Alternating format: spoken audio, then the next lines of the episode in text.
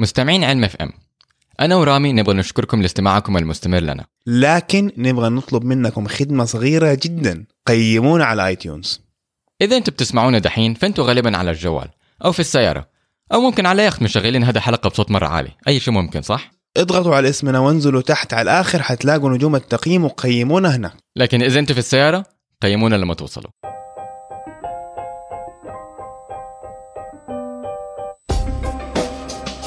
السلام عليكم. مرحبا بكم في بودكاست علم FM البودكاست المهتم في آخر أخبار العلوم من فيزياء وكيمياء واحياء والشلة الباقية. هذه الحلقة رقم 99 المسجلة يوم 27 أكتوبر 2018 تقريبا وصلنا 100 يا ساري. تقريبا. خلاص حد واحدة كمان. سنتين ولا ثلاثة؟ إحنا سنتين وشوية. إيش بال music لسه شغالة؟ نسينا نقفلها. كنا مهتمين مو مشكلة مرة متحمسين. مم. أيوه. ف بدينا من سنتين وشويه ها؟ تقريبا صح. إحنا بدأنا في. أبريل 2016 تصدق إنه أنا بس كده كلمتك يومها فكرة خطرت في بالي وما أدري فين كنت بسوق ما أدري فين. وليش ما نسوي شيء زي كده؟ ويعني خطرت أنت في بالي يعني أول واحد خطر في بالي وأنت أول واحد وافقت ويلا جست دو لا بعدين أنت كلمتني أنا النوع الشخص اللي هو ما يسيب شيء. كل أسبوع بعد كده يلا يا رامي يلا يا رامي يلا يا رامي. أيوه جلس ورايا لما actually we did ف الحمد لله. مم. يبغانا نعمل شيء كده special على حلقة يبغانا مية إن شاء الله. كده. إحنا لسه ما فكرنا إيش حنسوي مع انها الحلقة الجاية يعني الأسبوع الجاي. لازم ندبر حاجة. yeah. لازم ندبر جد. حاجة. فبرضه كنا بنقول إنه خلينا جاتنا أسئلة مرة كثير أيوه الشهور الماضية وقلنا خلينا نعمل آخر حلقة في كل شهر آه سؤال وجواب سين وجيم سين. وجيم. المشكلة انه إحنا بنحاول نستمر إنه ننشر كل أسبوع فواحدة من الأشياء اللي بنحاول نسويها إنه نجمع حلقات احتياطية لحد الحين إحنا عندنا واحدة لكن والفكرة إنه إذا يوم من الأيام لسبب ما ما قدرنا نسجل ممكن نطلع واحدة من الحلقات الاحتياطية هذه بس المشكلة إنه عشان نسجل حلقة عادية زائد حلقة احتياط يعني فيها شوية لخبطة لوجستية. لأنه بنضطر إحنا إحنا متعودين إحنا حنسجل وننشر دحين. بس لما نس... ما إحنا متعودين إحنا نسجل ونخزن وبعدين نحتاج نرجع نفتكر إحنا إيش خزنا وفين من فين وصلت الحلقة؟ وهذا الشيء لسه ما زبطناها. آه فكنا على الأقل حنخلي سين وجيم. والحلقات ال backup كمان لازم تكون ما هي مرتبطة بال- بالزمن. مزبوط إيوه. فيعني ما يكون آه، خبر آه، يكون يعني حار. ما ينفع يكون إنه والله شيء أجي أتكلم بعد ثلاثة شهور أنزل لكم إياها و- وخلاص يعني الضجة حقته راحت مثلا. مزبوط فواحده من الأشياء اللي إحنا كنا بنفكر فيها إنه حلقات السين وجيم تكون احتياط. بس بعدين اكتشفنا إنه في في ناس سألونا آه، أسئلة من يوليو. لسه ما جاوبناها. فمره عيب علينا. أنا متأسفين والله. مم. فقررنا إن حنخلي سين وجيم تقريبا مرة واحدة على الأقل مرة واحدة في الشهر. يعني اذا إذا أحد سأل سؤال ما يستنى مدة طويلة لحد اخر آخر آخر حلقة في الشهر يعني آه ولا آخر جمعة ولا آخر سبت في الشهر. يكون يعني بيسكلي آه طب قبل ما نبدأ في شوية تعليقات. مهم. أول تعليق آه يخلينا نحس إنه إحنا مرة فظيعين آه من صالح من ص- من صالح سعد. بيقول على تويتر at علم FM. ما أعرف متى بدأت أسمع بودكاست مستدفر لكن في حلقة مية عرفت إنه في بودكاست رهيب اسمه علم FM. من وقتها قررت أبدأ من حلقة صفر واليوم وصلت حلقة 94 wow. عندك لسه كمان خمسة حلقات الحين يا صالح. ما أعرف كيف راح اقضي أيام الأيام الجاية بعد ما أدمنت حلقات علم FM. يبغى لنا نسجل. ثلاث حلقات الأسبوع. ممكن. عندنا فكرة إحنا خطرت في بالنا بس يبغى لها يعني شوية حبكة. إنه نعمل بودكاست مرا... يعني مرادف لعلم إف إم يكون بودكاست يومي. بحيث إنه نعطي الأخبار آه، بس يكون دقيقتين ثلاثة. إيه. نعطي الأخبار يوميا. آه هو فكرة لسه ما تعدت. آه نحتاج ننام عليها ونطبخها ما ما عدت مرحلة الفكرة. بس آه ممكن إن شاء الله في القريب ال- آه، أو بعد سنة ممكن نوصل لها ما أعرف. آه بس اترقبوا في أخبار عن الموضوع ده إن شاء الله. آه التعليق الثاني من الأخ آه مبارك القحطاني اللي قابلناه في آه منتدى آه الشرق الأوسط البودكاست في دبي. أيوه. آه كان بيقترح علينا طريقة كيف ممكن نسجل آه عبر الإنترنت. عبر الإنترنت. إحنا واحدة من الأشياء اللي بن يعني بنستصعبها إنه بنحاول نلاقي ضيوف لعلم FM لكن طبعا مو كل الناس بيكونوا عايشين في جدة. آه وكم مرة إحنا استضفنا شخص من برا جدة آه في الكويت وفي آه الرياض. لكن المشكلة إنه طبعا إحنا ما نقدر نجيبهم هنا. ما ما حنسفرهم لحد الاستوديو وإحنا ما حنقدر نطلع لهم بال- بالأجهزة حقتنا فنحتاج إن نتواصل معهم عن طريق الإنترنت. بس المشكلة إنه حتى لو هم عندهم ميكروفون ما حنقدر ما عادة ما بنقدر نستخدم الميكروفون حقهم بنخليهم نوصلهم بالإنترنت وبنستخدم الميكروفونات حقتنا هنا في الاستوديو فمعناته إحنا صوت صوتنا يطلع مرة كويس وهم صوتهم ما يطلع مرة كويس والسبب الأساسي هو إنه في وقت في, في اختلاف في الزمن. لا لا sorry لكن- خليني أصلح لك. لما يكون واحد متصل من برا. ميكروفون ممكن عادي إنه يكون بيستخدم كم- ميكروفون كمبيوتر ولا حاجة فما يكون ميكروفون كويس. بالإضافة إلى ممكن يكون في تقطيع. فالحل الكثير podcasters يسووه إنه يخلي يخلوا ال- الضيف يسجل من ناحيته. اي اي يكون عنده هو الميكروفون. وبعدين يعطينا الملف إحنا وبعدين نحن نركبها على بعض. أي. بس هنا بيصير آه شيء يسموه آه ال shifting أيوة. أو إنه الصوت يعني حتى لو أنا اخذت الملف وركبته على الملف حقنا ما ما ينطبق على بعض. ما حينطبقوا على بعض. فتلاقيني أنا بتكلم والضيف مثلا بيرد علي بعد ثلاثة ثواني. و... و... ومع الوقت يمشي الوقت يزيد. يختلف وبي... و basically خلاص يصير الحوار غير مفهوم ابدا. آه، بنتكلم على بعض آه، يعني وخلاص كل واحد في ناحية أيوه فهذه يبغى لها يعني syncing أيوه فمبارك بيقترح علينا لا، بس دقيقة يعني أقول لك ليش المشكلة؟ المشكلة لأنه حتى لو أنا عندي Macintosh وأنت عندك Macintosh أو إحنا اثنين عندنا Linux أو نفس حتى الجهاز نفسه في اختلاف مرة مرة مرة مرة بسيط في, في الساعة حقت كل جهاز. ف أنت أنت ممكن تشوفها بال اللي هي ال ال إيش يسموها ال pendulum؟ هذه اللي هي لما ما أعرف الكورة هذه اللي تروح هي الكورة بخيط. المهم. آه لما تحركهم الاثنين مع بعض فجأة يبدأوا يختلفوا. أو حتى لو أنت شفت مثلا آه صوت آه أي أي صوت أي, أي شيء مستمر يعني ممكن حيكون كده. بعدين بعد فترة راح يصير. ازعجتني ثاني أيوه. فحتى لو إحنا عندنا نفس نوع الساعة وهي دقيقة اختلاف مره مره مره مره, مرة بسيط. مع التراكم بيختلف. إيه مع التراكم يصير مرة اختلاف كبير. ف آم، مبارك القحطاني كان بدي آه، بعت لنا تغريدة كان بيقول لنا إنه آه، إحنا بنحاول آه، إنه نظبط ال السينكينج نظبط الأصوات مع بعض بإنه نبدأ نقول مثلا 3 2 1 ويا انهم كلهم يصفقوا في نفس الوقت يا إنه واحد مثلا يصفق بصوت أعلى عشان يطلع في كل التسجيلات وبالتالي ممكن يركبوها على بعض إحنا حاولنا نسوي كده بس المشكلة إنه ما فرقت لأنه بعد فترة ال- ال syncing ما يكون في البداية ال sync ال ال ال الاختلاف آه بي- بي- بي- بيستمر يستمر. بعد ساعة بيختلف. مزبوط يعني بعد حتى لو بدأت صح في البداية كل ما كل ما وطابقتهم مضبوط ال- ال- الأمواج مع بعض. في ال editing ولا في في البرنامج. بعد نص ساعة بيختلف أتوقع. أيوة، وكل ما زدت كل ما الاختلاف صار أكبر. صح. فهذه ممكن تشتغل على ممكن إذا التسجيل دقيقة دقيقتين بس هنا في البودكاست إحنا بالساعة. إحنا شخصيا ما قدرنا نظبطها. إلا إذا إحنا ما فهمنا نقطة مبارك. مبارك بيقول إنه يبدأ الشخص اللي بيدمج الأصوات بالعد وبعده الثاني والثالث وبعدين يرجع العد الأول وهكذا. فالأول يقول واحد أربعة سبعة الثاني يقول اثنين خمسة ثمانية الثالث ثلاثة ستة تسعة يعني مثلا. واحد الأول. اتن- آه، اثنين الثاني. ثلاثة الثالث. بعدين يرجع للأول يقول أربعة والثاني يقول خمسة والثالث يقول ستة. بعدين الأول يقول سبعة والثاني يقول ثمانية والثالث يقول تسعة. ممكن هي بتزبط معاهم بس إحنا الحقيقة ما عرفنا نظبطها خلينا نتكلم مع مبارك دحين تحت الهواء إن شاء الله. آه لل... أوكي للي بعده إن شاء الله. هنا ندخل بقى في سؤال علوم. أخيرا. الحمد لله. طيب هذا سؤال الظاهر بالإنجليزي. بيجينا من واحدة أو واحد ما أعرف اسمه أو اسمها همس. آه بتقول could you please talk about how to build synthet- synthetic DNA and send it across the internet? أيوه فهو ال- ال- ال- السؤال هو آه، كيف ممكن نبني آه، أو كيف ممكن نصنع دي ان اي حمض نووي ونرسل عبر الإنترنت. أنا أنا أعتقد هذا السؤال جاي بعد واحدة من المناقشات حق تيد واحدة من تيد توكس و المشكلة في تاد هو تاد كويس يعني مو كل مو كل شيء يطلع في تاد مرة كويس بس في بعض الأشياء تكون حلوة. بس المشكلة فيه إنه هم الناس كتير يفخموا المواضيع اللي هم بيتكلموا فيها. وهذا ما هو مشكلة كبيرة. هو ممكن إحنا في, في ال- كأكاديميين نقعد نضحك عليهم لأن هم بيفخموا شيء إحنا بالنسبة لنا شيء عادي.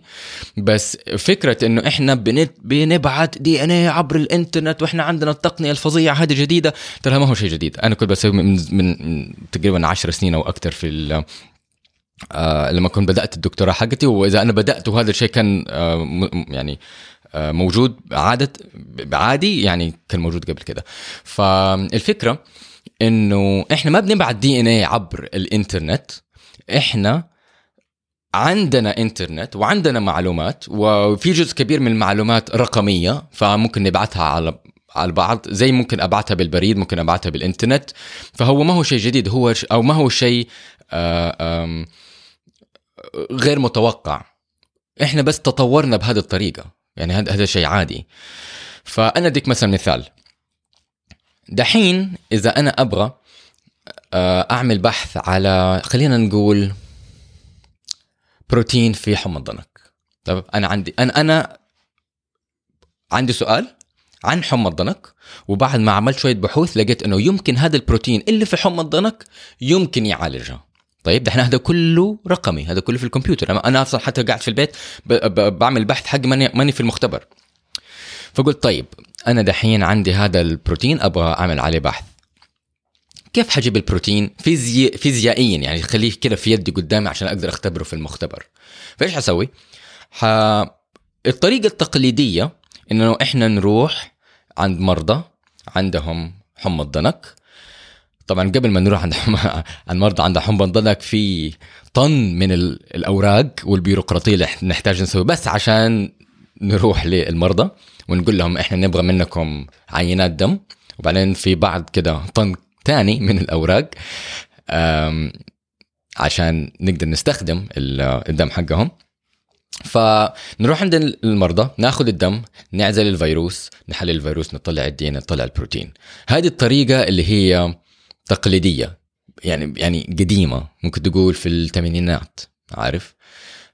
دحين إحنا ما عندنا هذا المو... هذا كلام فاضي بالنسبة لنا هذا تضييع وقت. إحنا عندنا بروتوكولات أفضل. ف حمى الضنك الجينوم حقها متسلسل وموجود في الإنترنت. فليش أنا أروح عند ال- البشر هذول وأخذ منهم الدم وأعمل كل ال ethical approvals هذه وال ال- في شخص عمل هالشيء هذا مرة واحدة أول مرة واحدة مزبوط أيوه وطلع. ال database في الإنترنت وأنا عندي المعلومات. فانا إيش حسوي؟ أنا حروح على موقع اسمه NCBI هناك حقدر أطلع الجينوم حق ال- الحمى الضنك أو بالخصيصه مو ضروري حتى أطلع الجينوم كله وأحلله بنفسي. في ناس في أحد قبل كده حلل لي هو فأنا حروح عند هذا البروتين نفسه وأطلع الت- التسلسل حقه. هذا التسلسل حق البروتين الأحماض الأم... تسلسل الأحماض الأمينية. alanine valine آه، آه، آه، cysteine blah blah blah وهكذا طيب؟ بعد فأنا دحين هذا عندي هو رقمي. لا تنسى إذا أنا عندي تسلسل معين من الأحماض الأمينية دائما حينطووا إلى الشكل الأساسي. فهمت؟ لأنه التسلسل يحكم الشكل والشكل يحكم الوظيفة. فأنا ما أحتاج أعزله من أي مكان. أنا خلاص أنا عندي التسلسل حقه. بس تحتاج تسوي مزبوط وإذا سو وإذا صنعته ح... خلاص. يوص... حيصير عندي زي بروتين. زي يعني قبل الإنترنت وقبل الكمبيوترات كان واحد ما يتخيل إنه ممكن ابعت صورة. لأحد غير بالبريد. مزبوط بس إحنا يعني ال technology سمحت لنا إنه نعمل abstraction ولا تجريد من الموضوع ده. وحولنا الصورة digital رقمي. بعدين رقمي. وبعدين بعتت على الإنترنت وهذا شيء طبيعي كل الناس فاهمينه دحين.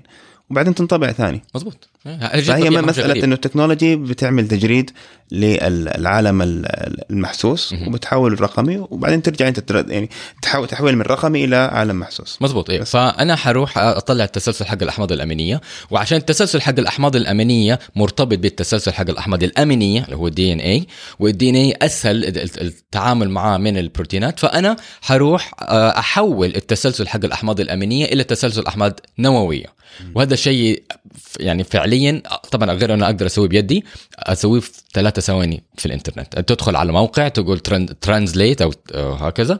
أسف ترانسكرايب وحول ال- التسلسل هذا إلى DNA هذا دحين التسلسل حق ال DNA هو رقمي لأنه هو لسه موجود على الكمبيوتر. هذا كله أنا سويته في الكمبيوتر ما خرجت من ال- البيت حقي أو أو المكتب حقي ما دخلت المختبر.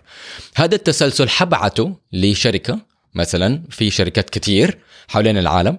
تقول تبعت لهم إيميل تقول لهم آه لو سمحتوا أنا عندي هذا التسلسل من ال DNA أبغاكم تصنعوا لي هو هم ما لهم دخل أنت إيش حتسوي بال DNA وهو يترجم لإيش في النهاية. فهذه شركة زي ال printer حق الصورة. مزبوط هي تطبع لك هو ويعني ممكن بعد عشر سنين حتلاقي ال printer هذا عندك في البيت. هي ما صارت أصلا بدأت تصير هذه- الأجهزة غالية هذه. ه- هذا ال- الجهاز ممكن أنت تشتريه هو طبعا مرة غالي بس ما هو كبير مرة وما هو جدا معقد. هو عبارة عن خمسة أنابيب. آه، واحد لل- للأدينين واحد للسيتوسين واحد للثايمين واحد للجوانين وواحد غسول. تمام؟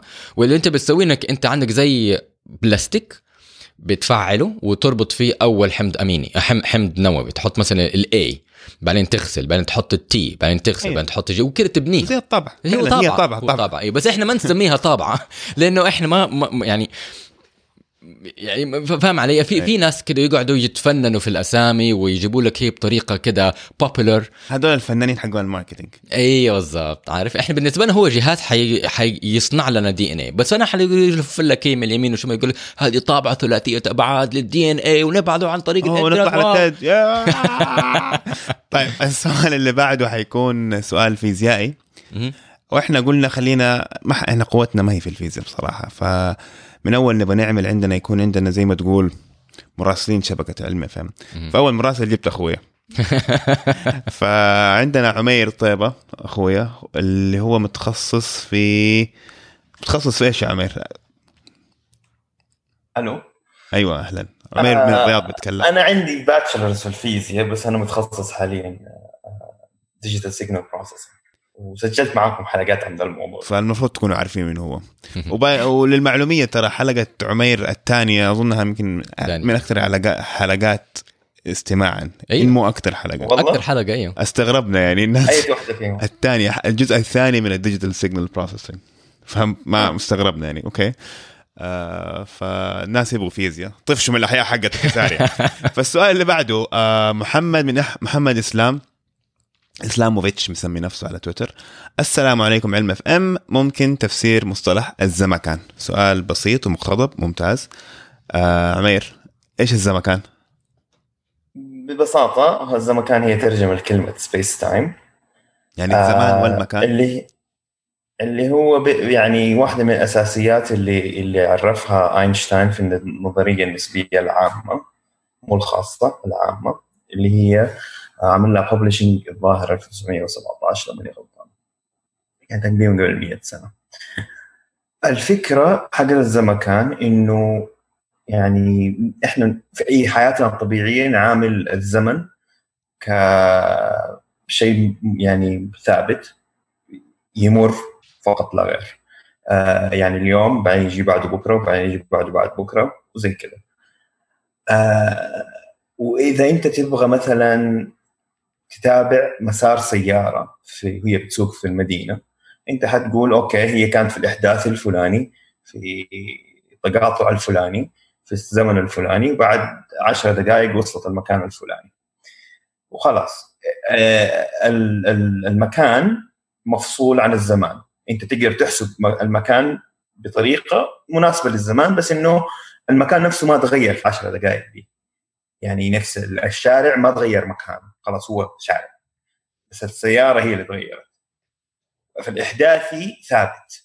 خلاص هو بنقطة الف ونقطة باء ما تغيرت أماكنها. فهمت كيف؟ يعني ما أفكر في السيارة؟ ما أفكر في السيارة كنقطة قد ما إنه السيارة كانت في النقطة هذه وراحت مكان ثاني اي خلاص هي النقطة نقطة البداية ونقطة النهاية ما تغيروا. لكن اللي تغير يعني مكان السيارة. في حد ذاته. okay. يعني خط البداية وخط النهاية ما تغير مكان جاك أينشتاين وقال لك آه عشان آه أسباب كثيرة ممكن هنا يخش فيها. نخش فيها مو مشكلة. لكن قال لك أوكي المكان يتأثر بالزمان.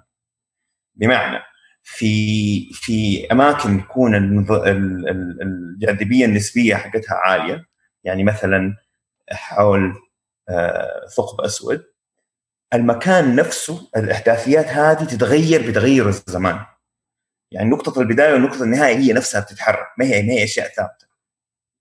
يصير أنت عندك الإحداثيات بدل ما هي ثلاثية الأبعاد تكون رباعية الأبعاد بما إنه بي بي يعني بي بفعل إنه الزمن يصير coupled متزاوج مع المكان. يصير اسمه الزمكان. المكان نفسه الاحداثيات نفسها تتغير بتغير الزمان.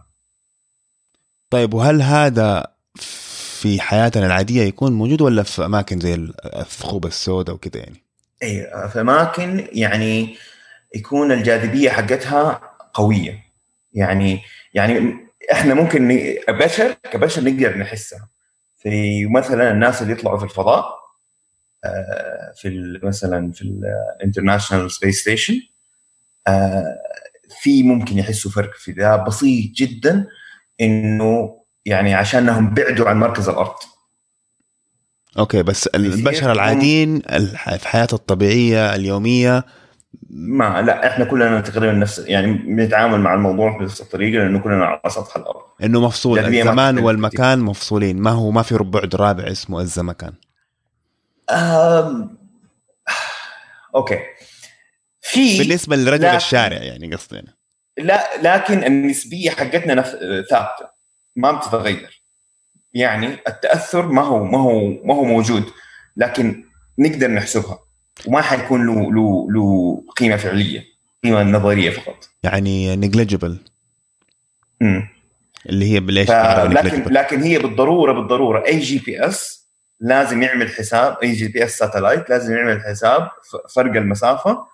ولازم has correct for it يعني كل شوية يعمل اعاده synchronization مع آه هذا عشان يجيك ال GPS صح. تقريبا بتصير كل آه إذا ماني غلطان كل خمسة ثواني ولا كل 10 ثواني لازم تتعدل ال synchronization حق ال clock لأنه آه زي ما قال ساري في بداية الحلقة إنه كل ساعة مختلفة. وكمان اختلافها في بسبب آه النظرية النسبية بيضخم المشكلة فلازم كل شوية نعمل syncing بين سطح الأرض وال GPS عشان بسبب النظريه النسبية العامة وبسبب تغير الزمكان. جميل. طيب آه إن شاء الله هذا يكون الجواب وافي يا إسلاموفيتش وإذا تبغى آه نستبحر في الموضوع ده ممكن نجيب عمير نتكلم فيه عندك مشكلة يا عمير؟ لا ابدا يلا خلاص روح انبسط في ال weekend إحنا أخذناك عن آه، اللي كنت بتسويه. sorry يلا طيب. يلا شكرا. bye مع السلامة. وهذا شيء جديد إحنا نبغى نجيبه لعلم اف ام إحنا بنبغى آه، نعمل قائمه قائمة من من خبراء عشان يصير لما احد يسالنا سؤال أو يكون في خبر معين آه نقدر نتعمق فيه. يعني أنا لا يمكن كنت أقدر أشرح الزم... الزم... أنا عارف شو هو الزمكان بس ما حقدر أشرحه بالطريقة اللي عمر دوب شرحها لأنه هو هذه هي مهنته هذا هو العلم اللي هو متعمق صح. فيه صح. فإن شاء الله نقدر يعني عمر حيكون أول خبير اتصلنا فيه اتصلنا بصديق أو بأخ بس إن شاء الله نقدر نوفي هذا الموضوع في المستقبل إن شاء الله طيب عندنا سؤال آه هذا السؤال ما هو موجه لنا وهذا السؤال يعني سئل من واحد ما يعرف إيش هو علم إف إم بس آه وأحد مستمعينا عمل آه quote ليها. وصلنا له. وصلنا له وعمل له retweet فأحمد المقاطي عن طريق عبد الكريم العبود بيقول سؤال لأهل الطب هل هناك فرق بين الجرثومة والبكتيريا؟ أم هما نفس الشيء ولكن كلمة بكتيريا أعجمية وجرثومة كلمة عربية؟ أنتظر الإجابة. سؤال حلو. أيوه وللأسف الإجابة حقته ما هي سهلة لأنه المشكلة إنه الترجمة في العربي بما إن إن في بعض الناس بيترجموا بطريقة مرة مهنية وبطريقة مرة كويسة لكن في بعض الناس يا انهم بيلخبطوا في الكلمات أو ما بيستخدموها بالطريقة الصحيحة وبالتالي يحصل في لخبطة في المجتمع العربي. فا أيوه. البكتيريا هي الجرثومة بالعربي يعني البكتيريا هي بال... بال... البكتيريا هي باليوناني والجرثومة هي بالعربي فالجرثومة هي البكتيريا بس الناس يلخبطوا ما بين الميكروب والجراثيم فهمت علي؟ يستخدموا الجراثيم كميكروب آه، أو الميكروبات اللي هي البكتيريا والطلائعيات والفطريات والطحالب ومو الفيروسات بس فاهم علي؟ لأن وهذا هذا لا لأنه الميكروبات أو الميكروب اللي هي microorganisms أو المشتق حقها الأساسي اللي هو مايكروس بايوس أو بالعربي الصحيح الكائنات الدقيقة. فالميكروبات هي المصطلح العربي حقيقي الحقيقي الصحيح حقه هو الكائنات الدقيقة والبكتيريا هي الجرثومة. طيب أنا عندي كمان برضو سؤال أه ما حطيناه هنا في تريلو. وما جانا عن طريق تويتر جانا عن طريق أه أه أحد المستمعين. قابلته في جرير بالصدفة. جاني قال لي الاستاذ رامي أنا من أشد المعجبين بعلم FM وجلسنا نتكلم وكذا و... آه، في النهاية قال لي أبغى أسألك سؤال ويا ريت لو تغطيه على آه، البرنامج. فالأستاذ أحمد بدوي كان بيبغى يسأل عن صعوبة البحث في البكالوريوس. بالنسبة فكان وجهة نظر ولا آه، خبرته في الموضوع على الأقل هنا في جدة إنه هو كطالب بكالوريوس ما حد كان بياخده على مجمع على محمل الجد بمعنى إنه عنده فكرة معينة ولا بحث معين يبغى يسويه آه فالمجتمع الجامعي حوالينه من سواء من طلبة أو من إدارة أو من آه دكاترة أو مدرسين أو محاضرين يعني كانوا يستخفوا في الموضوع ده. يا عمي أنت ما تفهم أنت إيش دخلك. آه خل ركز في دراستك. هذا اللي فهمته من السؤال. فبيسال آه كيف ممكن واحد يتعامل مع المشكلة هذه؟ للأسف إحنا عندنا هذا الموضوع كده آه في طبقية في المجتمع الأكاديمي على الأقل إحنا هنا في العالم العربي وهذا هذا موضوع غلط وما هو صحيح وممكن أي إنسان يسوي بحث مو ضروري يكون دكتور في الجامعة مو ضروري حتى يكون عنده بكالوريوس ممكن يكون طفل في المدرسة ممكن أي إنسان عنده سؤال ممكن يبحث فيه عشان يجاوب على السؤال هذا. وأنا أنا ما أحترم ما أحترم الناس اللي يستخفوا بهذا الموضوع لأنه ممكن الناس حقيقيا يكون عندهم أسئلة. والحلو كمان إنه في بعض الناس اللي ما بيكونوا علماء ممكن يسألوا أسئلة مفتوحة كبيرة. ما عندهم القيود اللي إحنا عندنا. فإحنا عادة لما نكون متعمقين في مجال معين بما إنه إحنا نكون فاهمينه مرة كويس لكن ممكن يكون عندنا قيود. هذه القيود تمنعنا من إنه إحنا نسأل سؤال مرة كبير أو إنه نجادف أو نخاطر وإنه نسأل سؤال ونحاول نجاوبه بطريقة آآ آآ كبيرة. وهذه واحدة من ال ال الأسباب ليش إنه في بعض المرات تلاقي الطفل ممكن يحل لك سؤال مرة صعب أو مرة كبير. عارف؟ لأنه ما عنده القيود هذه. عنده عنده ال قابلية إنه يخاطر في سأل السؤال والإجابة عليه. زي قبل فترة تكلمنا عن الموضوع ده في علم اف ام قبل كم سنة. آه المرا... الطفل أو مراهق اللي كان عنده إسهامات في سرطان البنكرياس. اكتشف إذا ما كنت غلطان كان كان عنده يعني اكسس معين اظن ظهر عن طريق والده ل آه، لكل الأبحاث أيوه. عن طريق الجامعة. اظن طريقة إنه كيف اكتشاف البنكرياس مرة بدري. مرة بدري صح؟ هذه هذه غطيناها في علم فهمي. وماني فاكر يتحلق وكان عمره 16 17 سنة الولد يعني. مضبوط أيوه. ف إذا أنت تبغى تعمل بحث لا تسمع لأحد يقول لك لا. بصفة عامة لا, لا تسمع لاقي أحد يقول لك هذا الشيء ما هو مهم ولا أنت لا أنت لسه صغير ولا لسه ما عندك الخبرة ولا يستخفوا فيك. إذا أنت عندك سؤال تبغى ركز في دراستك خليك خليك في حالك. أيوه لا لا تسمع, لا, تقول لا تسمع. إذا أنت عندك بحث سوي البحث. ليش لا؟ إذا أنت لسه في المدرسة خليه على ممكن تك... تسوي البحث حقك أو تجري البحث حقك على جنب. يعني ما بقول لك سيب الدراسة وركز في البحث طول الوقت بس إنه ممكن عندك أنت وقت في آه، إجازة نهاية الأسبوع أو مثلا في الصيف أو كده ممكن تتفرغ له أيوه. وتسوي البحث حقك دحين لما تيجي أنت تسوي بحث واحد من أهم الأشياء اللي تحتاجها غير الوقت اللي أنت ممكن انت أنت ملك وقتك أنت ممكن تتحكم فين الوقت اللي أنت ممكن تبذل آه، آه، تتفرغ له عشان تسوي البحث حقك تحتاج فلوس إيه المشكلة في الموارد مو بس أيوه. فلوس كمان الوصول للأدوات وال يعني المختبر أشياء المختبر الأجهزة الأجهزة هذه وكذا. ففي بعض الأج... في بعض ال- الأسئلة ممكن تكون رخيصة. رخيص البحث ع... رخيص البحث فيها عشان تجاوب على سؤال. فمثلا ممكن تحتاج ميكروسكوب يكلفك ب 500 ريال. طيب ممكن تكون ك- 500 كت- ريال كثير على إنسان مثلا لسه ما خلص البكالوريوس ممكن تجمع له ما ما هو رقم خرافي. زي مثلا بعض البحوث بيكون ب 3 ولا 4 مليون ريال. عارف؟ 500 ريال نوعا ما إنسان ممكن يتوصل لها. مقبولة. هي مقبولة. حتى لو مو لازم تشتري شيء آه آه جديد. ممكن تستخدم آه، يعني تكون. إيش الكلمة بالعربي؟ بس ريسورسفul مهم. إنك يعني تحاول توصل اللي أنت تبغاه وما تخلي شيء يثنيك عن الموضوع مزبوط وهذه واحدة من أهم الأشياء اللي هي تكون في شخصية الأكاديمي لأنه ك- أنت مو كل شيء متوفر لك. إحنا ما إحنا زي في الأفلام اللي هو تروح عند ت- ت- تمطر عليك فلوس ويقول يلا سوي اللي أنت تبغاه. في الواقع لا. في الواقع إحنا دائما ناقصنا فلوس ودائما نحتاج نفكر فوق خارج ال- المكعب عشان آه، نقدر نلاقي حلول. فهذه من أول الأشياء اللي أنت حتواجهها وضروري تن- تنميها في شخصيتك إنك أنت تفكر خارج ال- ال- المكعب. إنك أنت آه، ما عندك فلوس كفاية طبعا دائما ما عندنا فلوس كفاية عشان نسوي بحث علمي. كيف ممكن تدبر هذا الموضوع؟ إنك تلاقي شيء مستخدم تلاقي مثلا شيء طريقة أرخص يمكن تلاقي شيء على الكمبيوتر بدل ما تسويها بالطريقة التقليديه في يمكن طريقة جديدة. دائما كده تحاول تحل اللغز هذا.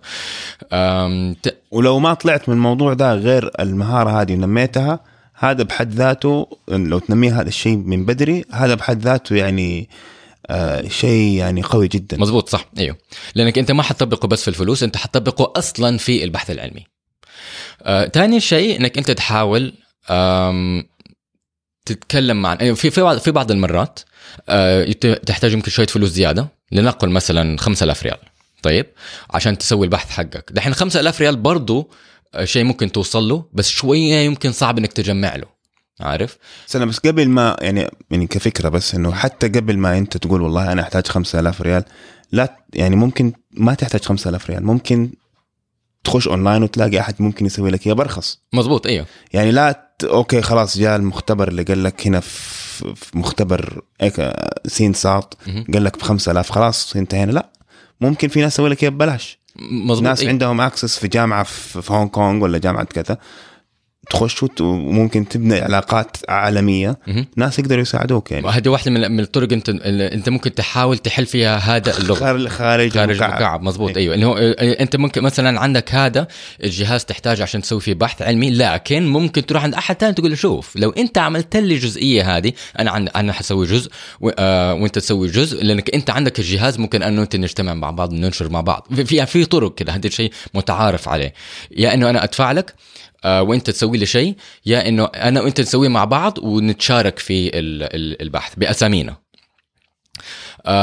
بالنسبة الب- البحوث طبعا الطريقة التقليدية إنك أنت تكتب مقترح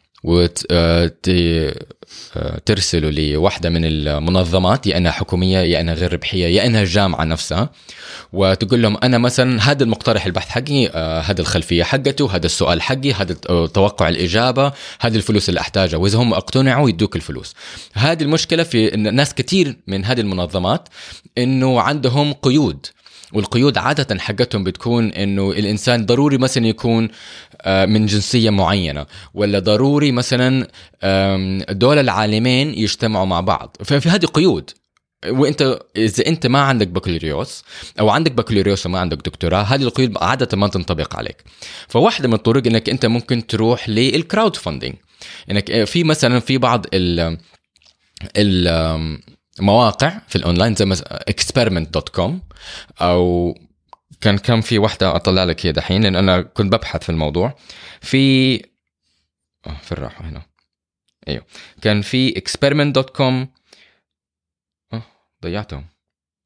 في الراحه آه، حدور لك عليهم. ممكن حتى نحطهم في وصلات الحلقة. المهم آه، هذه المواقع اللي هي أنت تروح وتعرض ال- المقترح حقك وضروري تعرضه بطريقة مرة جذابة وممكن حتى تعمل له فيديو وتكلم الناس عنه وتقول إنه ليش هذا السؤال وليش لم يجب عليه وليش أنا أبغى أجاوب عليه وكيف حيفيد الناس وكيف حيفيد البشرية وكيف حيزيد ال- المعلومات ال- العلم حقنا وهكذا وتحاول إنك أنت تتواصل مع ناس عاديين وتقنعهم إنهم يتبرعوا لك إلى البحث حقك عشان أنت تقدر تجريه فهذه. هذا النوع من الكراود فاندنج هذا النوع من ال... ال... ال... الأنظمة إنك أنت ممكن تطلب شوي فلوس متو... يعني فلوس متوسطة دعم متوسط. بدل ما هو تحت الألف ممكن تطلب ما بين 3000 و 10000 ريال. وهذا الموضوع ممكن إنه يكون في الحد اللي هو تجمع منه فلوس من مثلا 100 شخص ولا شيء زي كده. بعد كده طبعا ممكن إنك أنت تحاول تدور على الأكاديميين اللي هم مخهم مفتح شوية. وتقول لهم إنه أنا أبغى أكون عالم أنا أنا شغفي إنه أكون عالم في المستقبل وأبغى أجي مثلا أشتغل عندك أعمل انترنشيب مثلا المدة في الصيف. ومعظم الأكاديميين حيقولوا إيوه تعال. لأنه أنت حتشتغل لهم ببلاش. أنت حتروح تشتغل عندهم عشان تكتسب خبرة وهم حيصير عندهم عمل ما حي... ما حيدفعوا لك عليه فحيصير شغل ببلاش بالنسبة لهم. فأنت حتفوز وهم حتفوز. الطرفين حيفوزوا. بس حيشغلك في اشياء ما لها دخل في بحثك ممكن. أيوه بس أنت حتشتغل في بحوث علمية. يعني حتشوف كيف العالم بيفكر كيف بيطبق الفرضية حقته ويختبرها. وكمان حتكتسب خبرة في المختبر إنه أنت ما حتشتغل كده بس أي كلام لا أنت حيديك مثلا وظيفة معينة حيقول لك أنا ابغاك تسوي كذا كذا كذا كذا كذا. فحتتعلم هذا البروتوكول. وهذا بيعطيك علاقات في المختبر اللي ممكن أنت بعدين بعلاقاتك هذه تحصل على اكسس معين. بطريقة معينة حتى لو تبى تسوي بحثك. لا تنسى إنه من أهم الأشياء إنه يكون عندك إنه يكون عندك تواصل مع علماء عشان تكبر الشب... الشبكة حقتك الاجتماعية. ففي النهاية إذا أنت رحت عند أحد قلت له أنا ما عندي بكالوريوس أنا لسه صغير وأبغى أسوي بحث علمي وضحك عليك طنشه وروح لأحد تاني لحد ما تلاقي أحد يكون زي ال mentor حقك. وانسان يهتم فيك ويساعدك انه إنك أنت تكون عالم. جميل. طيب آه الأخ أمجد شاهين بيقول السلام عليكم كيف حالك يا أخ ساري أنا أمجد شاهين من جدة تخصصي هندسة كيميائية حامل لدرجة البكالوريوس في نفس التخصص متابع نهم جدا لبرنامج علم FM أعتبر نفسي عالم في مجالي وهدفي أكون باحث في مجال الهندسة الكيميائية. أنا حاليا مهتم في علم الخلايا العصبية وأثناء بحثي وجدت هذا الفيديو ولم أفهم كامل محتواه إذا تحب تتكلم عنه في حلقة مستقبلية أكون سعيد جدا. آه، طبعا الرابط إن شاء الله بيكون في وسط الحلقة. مع تمنياتي لك ولبحثك وبودكاستك بكل التوفيق وأتمنى أن ألتقي بك يوما إن شاء الله. ليلة ملاحظة أنت ورامي طيبة فريق رائع وإذا تحتاجوا عضو جديد في الفريق أنا جاهز أشارك معاكم في برنامج علم اف ام. فعندنا مراسل هندسة كيميائية ولا أشياء كيمياء الحين ممتاز. امجد شاهين. ممتاز. وكمان في جدة. فهذا يريحنا كمان زيادة. مظبوط. طيب انت شفت الفيديو صح؟ أيوه الفيديو بيتكلم عن كيف الأعصاب بتتواصل مع بعض. دحين إحنا عندنا مشكلة هنا لأنه إحنا الجهاز العصبي حق حقنا مكون من شبكة وكل الأعصاب مشتبكة مع بعض. فالسؤال هو كيف العصب يقدر يتحكم؟ كيف يقدر ينظم نفسه إذا كلهم مشتبكين مع بعض؟ زي شبكة التليفون. كل التليفونات مشبوكه في بعض. فكيف أنا أتكلم مع رامي وبس مع رامي؟ وهو فقط اللي يسمعني مو كل الناس يسمعوني. فالخليه العصبية منقسمه إلى ثلاثة أقسام ولا أربع أقسام. عندنا جسم الخلية وال dendrites اللي هي الزوائد الشجرية وال axon أو المحور العصبي وبين الخلايا العصبية في ال synapse أو التشابك العصبي. تمام؟ واحدة واحدة. فالنبضه العصبية النبضة العصبية تبدأ من ال dendrites. فإذا إحنا شفنا آه، شكل الخلية العصبية عندنا شكل خلية عصبية وطالع من فوق زي زي زي الشجر كده عارف؟ تفرعات هذه ال dendrites أو الزوائد الشجرية. تمام؟ من هناك تبدأ النبضة العصبية. النبضة العصبية في الخلية تمشي فقط في اتجاه واحد. فتبدأ من الدندرايتس تبدأ من الزوائد الشجرية وتوصل إلى جسم الخلية وبعد من جسم الخلية تروح لنهاية المحور العصبي أو الأكسون. تمام؟ دائما في اتجاه واحد. زي لما يكون إحنا عندنا سلك كهرباء عندنا سالب وموجب والالكترونات تمشي من السالب للموجب ما تمشي من الموجب للسالب. تمام؟ فنفس الشيء بما إنه الخلايا العصبية حقتنا ما تشتغل بالكهرباء النبضة العصبية ما هي كهرباء زي ما هم وروا في الأفلام. تمام؟ هو شيء مختلف تماما. هم بس يوروا في الأفلام كأنها كهرباء وما أعرف إيش كده. والسبب هو نا... آآ آآ تاريخيا لأنك أنت لو كهربت الأعصاب تلاقي إنه النبضة العصبية تطلع وتحرك لك ال- العضلات. بس آه، الكهرباء هي واحدة من الطرق اللي ممكن تفعل فيها الأعصاب. ممكن عن طريق ال- الحرارة ممكن عن طريق اللمس وطرق مختلفة. فهو في الواقع إنه ما في كهرباء في في الأعصاب حقتنا تمام؟ النبضة العصبية شيطان ما إحنا نتكلم عنه لأنه الموضوع مختلف تماما. بس الفكرة إنه النبضة العصبية تبدأ من الزوائد الشجرية إلى جسم الخلية إلى المحور العصبي إلى نهاية المحور العصبي. تمام؟ دائما في اتجاه واحد. بعدين. هنا هنا النقطة المرة مهمة. إنه بين الخلايا العصبية في فراغ ما يلمسوا بعض. يجوا يقربوا يقربوا يقربوا من بعض بس ما يلمسوا بعض. تمام؟ فالأكسون ما يقرب من ال ال dendrite حقت الخلية المجاورة بس ما يلمسها. تمام؟ فإذا ما يلمسوا بعض كيف النبضة العصبية تنتقل؟ فهمت علي؟ هنا هو السؤال الكبير. فاللي بيصير جوا الخلية إنه عندنا الأنابيب الدقيقة أو ال microtubules هاي ما هي موجودة فقط في الخلايا الخلايا العصبية موجودة في كل الخلايا. وال microtubules أو الأنابيب الدقيقة هي ال ال الأساس اللي ينقل العضيات جوا الخلية. العضيات اللي هي زي الميتوكوندريا والنواة والبلاستيدات الخضراء وال vacuoles وال vesicles والأكياس هذه كلها. فالخليه ما تفكر ما عندها مخ ما عندها عقل ما عندها قدرة اتخاذ القرارات. هذا معناته إنه هي ما تقدر تقول أوه أنا عندي ميتوكوندريا أبغى أحركها من اليمين للشمال. هي ما تقدر تقول كده. تمام؟ هي فقط. اللي يحكمها التفاعلات الكيميائية. إذا في تف... والتفاعلات الكيميائية ما هي آه، مستقيمة كلها دائرية وعلى شكل شبكة. معناته إذا حصل واحد تفاعل كيميائي وتغير يغير لك باقي الخلية كلها. وكل الخلية آه، يعني آه، تشتغل. فاللي بيصير إنه إذا إحنا نبغى نحرك فيسيكل فيسيكل يعني زي كيس في المحتويات تمام؟ إذا إحنا عندنا vesicle ونبغى نح... نحركها مثلا من جزء من الخلية لجزء ثاني من الخلية آه، حمسك ال microtube حبني microtubules وبعدين أحط عليها بروتين اسمه kin... آه، آه، آه، kinesin أو dynein. وبعدين أربط ال vesicle بهذا البروتين وأعطي البروتين طاقة فيروح يمشي فوق هذه الأنابيب. الأنابيب مو معناته ان هي في شيء يكفي من جوا هي مرة صغيرة هي يمشي من فوقها. تمام؟ لحد ما يوصل للهدف, حقه بعدين أفك كل شيء أفك ال dy... ال dynein أو ال kin... ال- ال kinesin وأفك ال microtubules أم، فكر فيها كالآتي.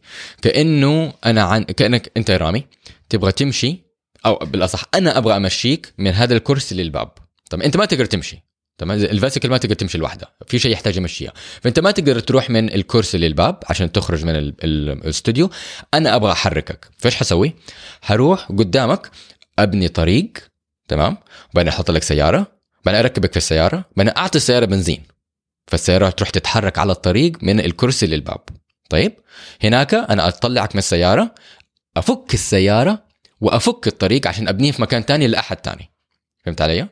هذا هو اللي بيصير. اللي بيصير إنه آه، أنا بأبني المايكروتيوبيلز من مكان إلى مكان أحط عليه الداينين آه، آه، ال- ال- الكاينيسين أو الداينين وبعدين أربط عليه أي عضية. لما أعطيه طاقة يمشي فوق ال microtubule لحد الهدف حقه لما يوصل للهدف كل شيء يتفك. تمام؟ عشان ير- ير- ير- يرتكب هذا كله. يحدث عن طريق تفاعلات كيميائية. هذا كله ناتج عن تفاعلات كيميائية. أنا ما حقدر أشرح لك التفاعل الكيميائي لأن هي صعبة وجدا معقدة. لكن في تفاعل كيميائي يخلي البروتي... ال- ال- ال microtubules آه، تتركب في اتجاه معين في آه، حيز ثلاثي الأبعاد تمام؟ عشان كده هم يتفكوا يتركبوا يتفكوا عشان نقدر نبنيها في أي في أي مكان. تمام؟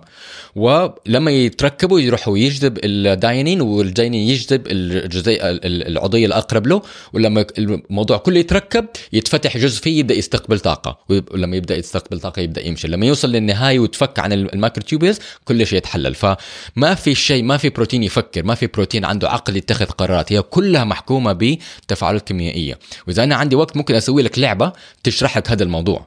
اللي هو أنت مثلا آه، تحط شغلة وهذه الشغلة لما تحطها تلاقي شيء ارتكب عليها وهذا الشيء لما يروح يعمل كده وفي النهاية حق التفاعل الكيميائي هو بداية التفاعل الكيميائي نفسه عشان كله كلهم آه، مدورينه في شبكة واحدة. جميل. فهذا هو اللي بيحصل في النبضة العصبية. هذا اللي بيحصل جوا تمام؟ لأنه اللي بيصير إنه لما النبضة العصبية توصل لنهاية الأكسون نهاية الأكسون آه، في فراغ اسمه السينابسس أو التشابك العصبي. فالسؤال هو الع- النبض إذا النبضة العصبية في الخلية العصبية إذا الخلية العصبية ما تلمس خلية عصبية أخرى في فراغ بينهم كيف تنتقل النبضة العصبية؟ وهذا شيء مرة مهم لأنه ال synapses أو التشابك هذا الفراغ هي المفاتيح. لما اللي بيصير إنه لما النبضة العصبية توصل لنهاية ال axon نهاية ال axon يسوي الشغلة هذه هي حقة ال microtubules ويخلي ال vesicles تتجه نحو الغشاء الخلوي أو سطح الخلية وتندمج به. لما تندمج به بتطلع من جواها الموصلات العصبية الموصلات العصبية أو ال neurotransmitters اللي هي آه، كيماوي- كيماويات معينة تطلع برا الخلية. بس حتطلع في هذا الفراغ. فلما تطلع في هذا الفراغ حتروح من خلية وتنتقل للخلية المجاورة. هذا الفراغ مرة صغير هذا كله بيصير في nanosecond مزبوط مر- مرة سريع. السرعة هو سر هو سريع لأنه المساحات مرة صغيرة. الخلايا مرة صغيرة والمساحات هذه أصغر من الخلايا. فلما هذا ال ال هذا الموصل العصبي ال neurotransmitter زي مثلا عندنا ال acetylcholine آه، يطلع من الخلية الأولى ويرتبط بالمستقبلات في ال- الخلية المجاورة يبدأ نبضة عصبية جديدة. فهمت علي؟ فالقروشة هذه كلها ليش إحنا عندنا كل استنى إيش يعني قروشة؟ برا جدة يمكن ناس كثير ما يعني قروشة. الهيلمان ده كله ولا حتى. المشكلة هذه كلها. أو الصعوبة هذه كلها. الصعوبة هذه كلها أيوه. هذا كله وجع الدماغ ده كله. أيوه. أيوه. هذا كله لأنه إحنا بنستخدم السينابسس آه، التشابك العصبي والفراغ هذا كمفتاح. يعني ممكن نفتحه أو نقفله. تمام؟ لما نيجي نفتحه الخلية الأولى ممكن تت- تتكلم مع الخلية المجاورة لها. فهمت علي؟ لا تنسى إنه واحدة خلية عصبية مشتبكة ب 2000 3000 خلية أخرى عن طريق ال- الزوائد الشجرية تمام؟ والمحور العصبي نفسه كمان مشتبك ب 100 100 ولا 200 خلية عصبية، هذا معناته إنه إذا كل الخلايا العصبية يتكلموا مع بعض ما في كلام يصير مفهوم. كانه كأنه أنت ترفع الجوال تلاقي جدة كلها تتكلم مع بعض في نفس الوقت. تسمع كل الناس يتكلموا في نفس الوقت. ما حتف... ما حتقدر تتوصل للشخص اللي بتحاول تتصل فيه ولا أصلا حتفهم أي كلام. هذا الموضوع لما يصير يصير في يصير في مرض اسمه الصرع. وتلاقي الإنسان كده يطيح ويبدأ يرتجف. هذا لأنه كل الخلايا العصبية في جسمه في مخه بتتكلم في نفس الوقت. تمام؟ فضروري إنه الخل... الخلية العصبية تقفل كل المفاتيح هذه وتفتح واحد مفتاح عشان تتكلم مع واحدة خلية في مسار معين. بعد ما تخلص الكلام حقها يعني ترسل النبضة العصبية تقفل وت... وتفتح مسار آخر. تمام؟ وهذا الموضوع لما إحنا يكون عندنا synapses لما يكون عندنا مفاتيح مرة كتير يصير عندنا شيء زي الكمبيوتر ال CPU يصير ممكن أنت عندك فقط من إنك أنت تفتح وتقفل تفتح وتقفل مفاتيح بنمط معين ممكن يصير عندك طرق للحساب أو تكون ذاكرة. إذا أنت فاتحهم بنمط معين ممكن يكون لك ذاكرة. وهذا الشيء إحنا نشوفه في الكمبيوتر ال CPU أو ال memory نفسها الذاكرة حقت الكمبيوتر هي فقط عبارة عن مفاتيح. صفر واحد. صفر واحد. هي الترانزستور شغال مش شغال. مزبوط إيه هي ترانزستور فلما أنت تركبهم بنمط معين يصير عندك طريقة ممكن تحسب فيها. تجمع تطرح آه، آه، تقسم تضرب أو ممكن تكون ذاكرة. أو زي ما أنت شايف كل الاشياء الكمبيوتر بيسويها. ال CPU هي فقط نموذج للمخ حقنا بس جدا مصغر. فهذا ال- الفيديو بيتكلم عن هذا ال- ال- الموضوع. طبعا بطريقة مرة جرافيك مرة حلوة. بس باختصار هذا هو ال- ال- بيتكلم عنه إنه كيف الأعصاب بتشتغل. بس آه، شغلة أخيرة إنه لما إحنا ناخذ مخدرات أو آه، آه، أدوية مخدرة هي بتأثر على التشابك العصبي على السينابسس يا إنها تفعله يا إنها توقفه. فمثلا لما أنت تاخذ إبرة في الضروس حق في الأسنان حقتك عشان الدكتور يخدر لك أسنانك عشان يقدر يخلعها بدون ألم انت أنت في الواقع لسه بتحس عارف؟ لكن أنت النبضة العصبية ما بتوصل مخك. يعني أنت فاكر انت أنت تعتقد إنه أسنانك مخدرة بس هي في الواقع لا لأنه هو هو فقط النبضة العصبية بتبدأ من الأسنان لكن ما بتوصل للمخ لأنك أنت سديت أنت وق- قفلت كل المفاتيح اللي توصل كل النبضات العصبية من هذا العصب إلى المخ. فهو في الواقع الأعصاب عند الأسنان بتصرخ بتزعق بتصرخ مرة بقوة بس النبضات العصبية ما بتوصل للمخ فأنت تفتكر تعتقد أن هي مخدرة. جميل. السؤال اللي بعده برضه هذا السؤال شكله آه، سئل على تويتر. وعن طريق أحد يعني وصل لنا فيه. فعبد الله التراك كتب تغريدة وظاهر انتشرت مرة. آه بيقول في آخر 70 سنة في العالم ازداد كل من الآتي. مهم. معدل مرض الاكتئاب السمنة انخفاض التستوستيرون في الذكور. تستوستيرون. التستوستيرون في الذكور. العجز في النساء. اللي هو ال menopause وال perimenopause. فبيقول شنو أكبر تغيير طرأ على البشرية؟ هل هو الغذاء أم الضوء بمعنى الأضواء الصناعية بدل الشموع؟ ال- فهذا بس قد ما ما هو سؤال قد ما هو يعني هو سؤال مرة كبير. مم. يعني ما نقدر نقول إنه هو هذا الشيء الوحيد اللي تغير اللي هو آه، آه، آه، سبب في كل الشغلات هذه. هو جواب ال- متعدد ال- المصادر. فأول شيء.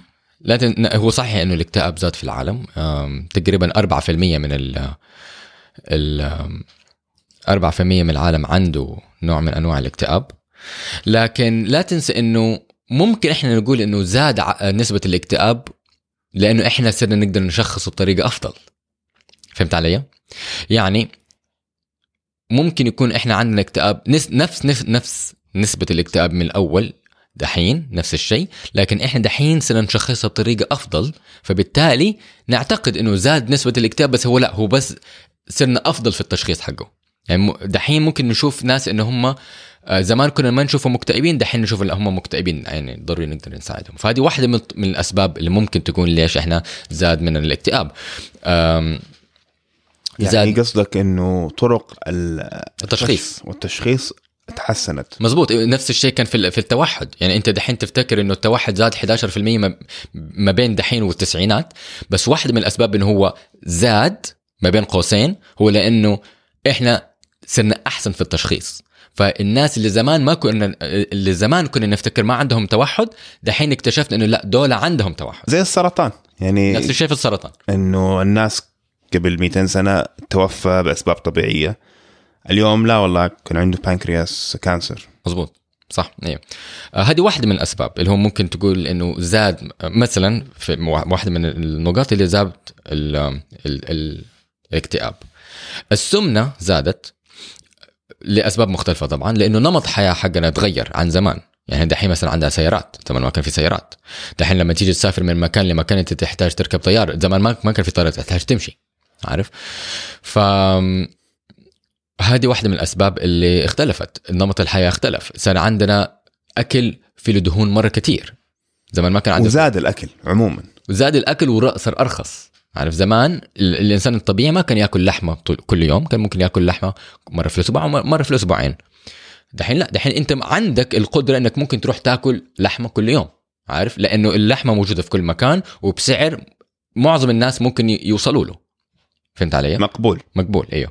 فهذه واحدة من الأسباب اللي هي زادت السمنة. طبعا في في أشياء برضه متعلقة بكثير بنمط الحياة بس هذا يعني جواب مختصر عارف؟ أم واحدة من الأسباب برضه إنه التوتر زاد. نفس الشيء ممكن التوتر زاد لأنه إحنا صرنا نشخصه بطريقة مخت... بطريقة أفضل وفي نفس الوقت كمان لأنه النمط الحياة حقنا تغير. تمام؟ دحين إحنا الناس اللي بيعيشوا في المدن ممكن يكون عندهم توتر لأنه في زحمة.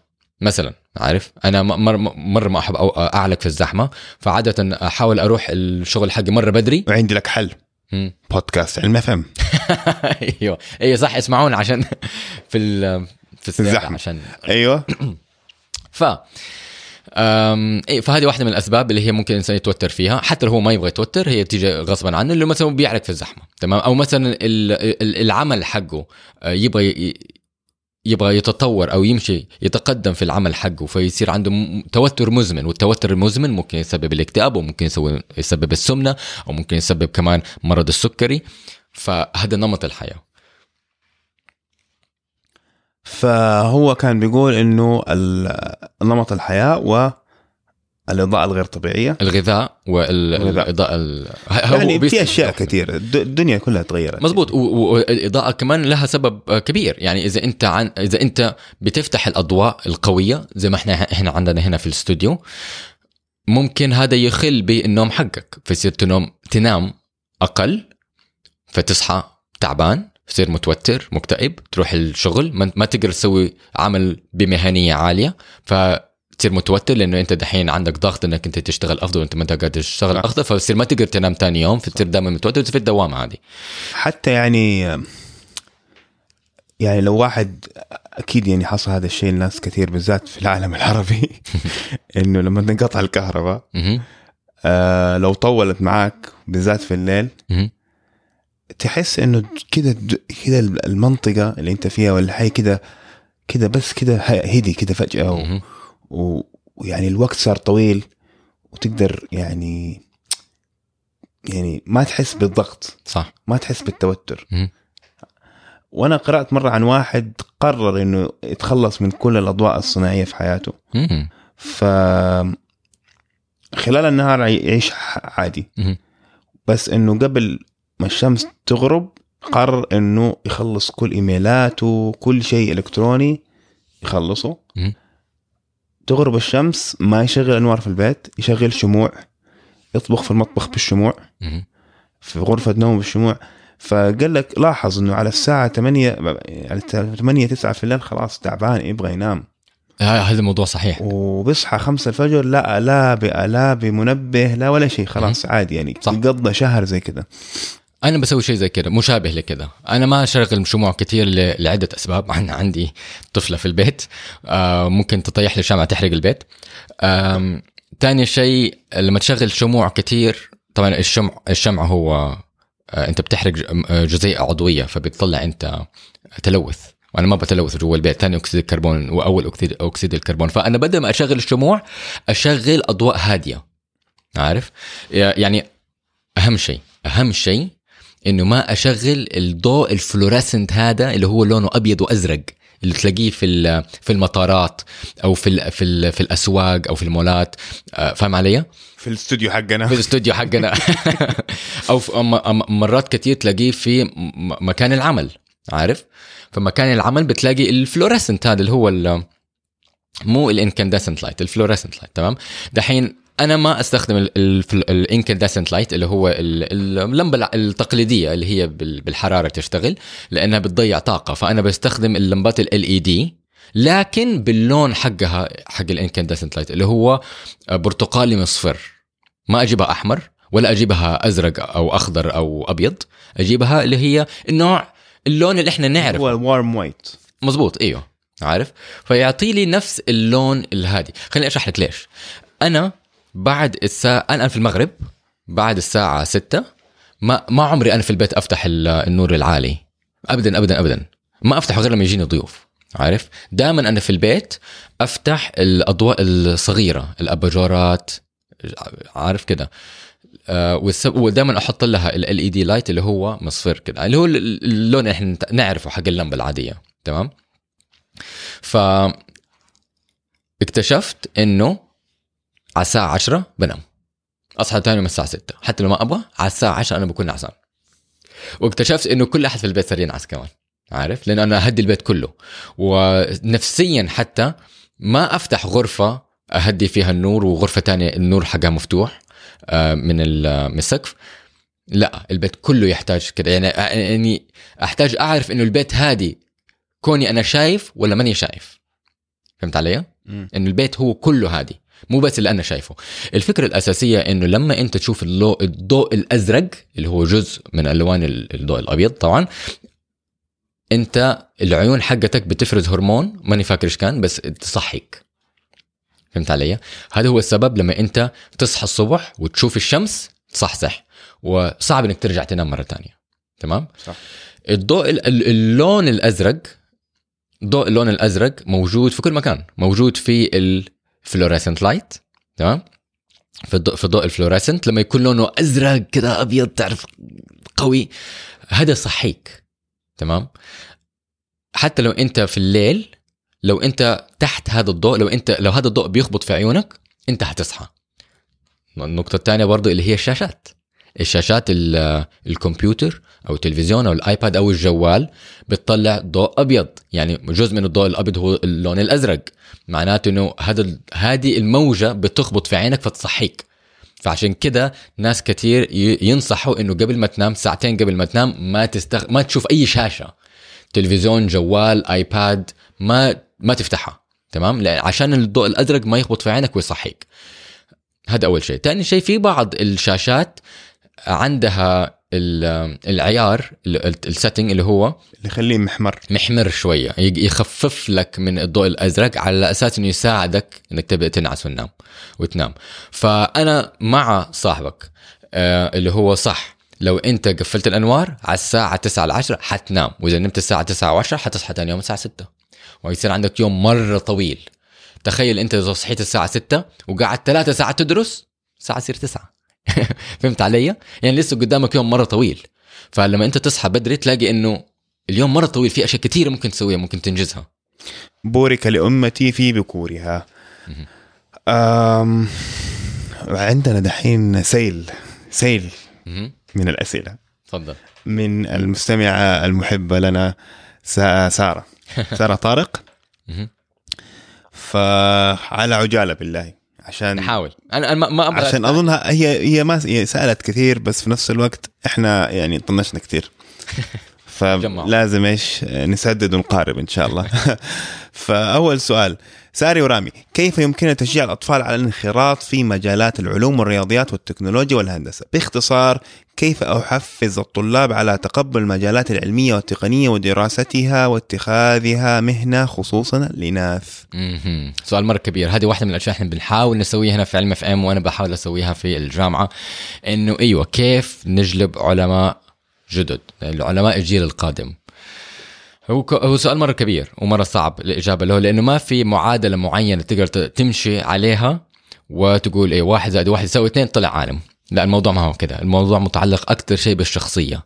هو يمكن أهم شيء الشخصية حقت الأستاذ أو المعلم أو العالم اللي بيحاول يتحدث مع غيره العلماء.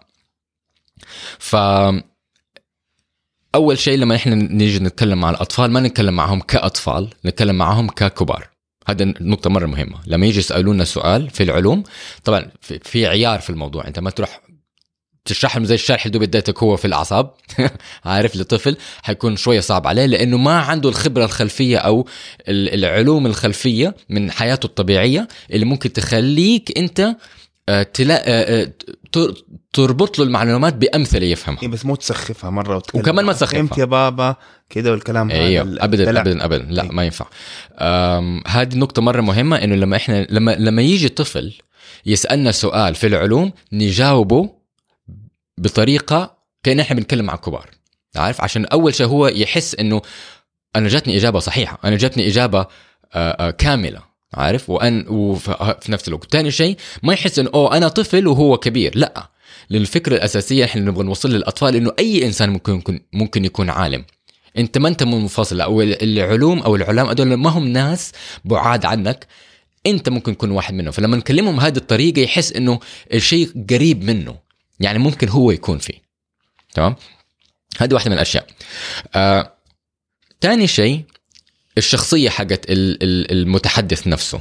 إذا قاعد يتكلم كده أصله هو يعني الموضوع كده أصله يعني ما أعرف إيش. إذا ط- بيتكلم بطريقة سلبية وما هي طريقة حماسية الإنسان اللي قدامه حيحس إن المعلومة هذه كأنها ما هي مفيدة. أو ممكن حتى ما يسمع أصلا. تعرف لما إنسان يتكلم بطريقة مونوتونس اللي هي بنفس النبرة الإنسان اللي قدام ممكن ينام. فهمت علي؟ فلا ضروري له إذا أنت عندك حماس معين لمعلومة معينة طلع أظهره. أظهرها. مزبوط شغل الهرمونات وأظهر الحماس هذا على إنه ال ال ال ال طريقة الإلقاء مهمة. مرة مهمة. أيوه اذا انت اذا إذا واحد سأل سؤال ولقى حماس من الجهه الثانية حيحس إنه هذا الشيء مرة حلو. هذا الشيء مرة مهم. ممكن حتى لو أنا ماني شايفه خليني ممكن أبحث فيه أكثر عشان أحس نفس الإحساس. يجيني نفس السعادة اللي هو بيظهر لي هي. فهذه واحدة من الطرق الثانية اللي هي ممكن نحاول نح- نحمس فيها الناس إنهم يدخلوا في العلوم. النقطة الثالثة إنه نتكلم مع ناس مرة كثير مره مره مرة كثير لأنه من من العشوائية ممكن تظل نظام. فاهم علي؟ إذا انت زي لما تيجي تصطاد سمك. البحر مرة كبير بالنسبة لعدد الاسماك لا بس هي أعتقد سؤالها إنه أنا في فصل مدرسي. أيوه. أيوه أنت في فصل مدرسي. أيوة. ما بتكلم طالب طالب طالب طالب. أنت بتكلم طلاب فاهم. علي؟ فأنت تتكلم كل الطلاب بطريقة حماسية وحلوة تحاول تخ- تخليهم كلهم يصيروا علماء تمام؟ وما تروح لفصل واحد تروح لفصلين ثلاث أربع خمسة فصول فهمت علي؟ لأنه من كل الطلاب هذه هدول ممكن يطلع لك خمسة. فهمت علي؟ إذا أنت كلمت طالب طالب طالب طالب نسبة إنك إنك تطلع واحد منهم عالم مرة ضئيلة. بس إذا كلمت طلاب مرة كتير في نسبة تبدأ تعلى تطلع من لا بس أنا قصدي أتوقع سؤالها أنت بتتكلم فيها من ناحية شمولية. أيوه. أنا بتك... أبغى عندي مية واحد بطلع منهم اثنين. لا بس هي بتتكلم كيف أشجع الطفل هذا؟ كيف أشجع أنا. كأب. أنا ما همني والله قديش كم واحد. هو هو, صعب. أبغى أنا كيف كيف الطرق أنا لولدي كنان كيف كيف ألقنه؟ أنا فاهم عليك. افهمه اي أي. أنا فاهم عليك. ما همني والله. كمصنع. 100 شخص بطلع. مم. أبغى أزيد الإنتاج بدل 2% أرفعها ل 5% ما أيه. ما بتكلم بالط... ما أظن بتتكلم بالطريقة دي. أنا فهمت عليك. وصعب إنك أنت تمسك شخص معين وتخليه عالم.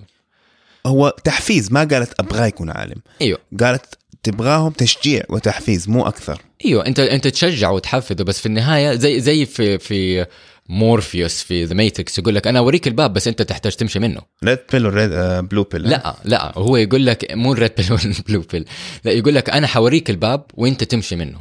لا أنا بس. أنا حاعرض لك كل شيء. طيب كيف مثلا ممكن موضوع ال- التجارب؟ مهم. إنك أشياء كذا اللي هي كذا الأطفال هذه ش- تجربة بالصابون والموية وم- ومدري إيش تسوي كذا آه، تفاعلات معينة. هذه كلها يعني مزبوط هذه أو نقطة مرة مهمة. خليهم يلغوصوا في البيت. ما عمرك تقول لهم لا. خليهم يل... طبعا بإشراف يعني ما يروح يلعب لك بمواد كيميائية حقت التنظيف فهمت علي؟ م. بس إذا يلغوصوا في المطبخ خليهم يلغوصوا وريهم مثلا آه آه لما لما تحط البيكنج صودا على الخل إيش يحصل؟ واو يعمل لك فقاعات كبيرة كده فاهم علي؟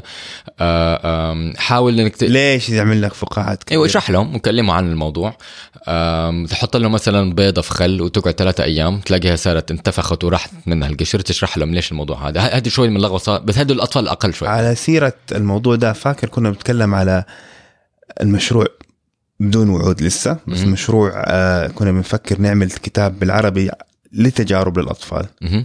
آه لسه هذا الموضوع فكرة أولية لسه زي موضوع البودكاست اليومي.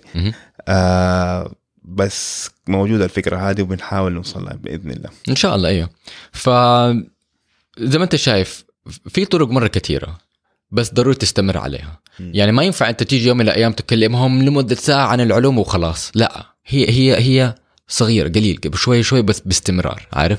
خمس دقائق دائما لما يجي يسألوا لك يسألوك سؤال دائما تجاوبهم بطريقة تاخذ. بمحمل الجد.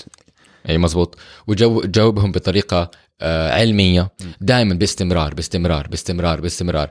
آه لأنه في بعض الناس ممكن يطنش الموضوع بعدين يجي يوم من الأيام ويوديهم مثلا آه متحف علمي.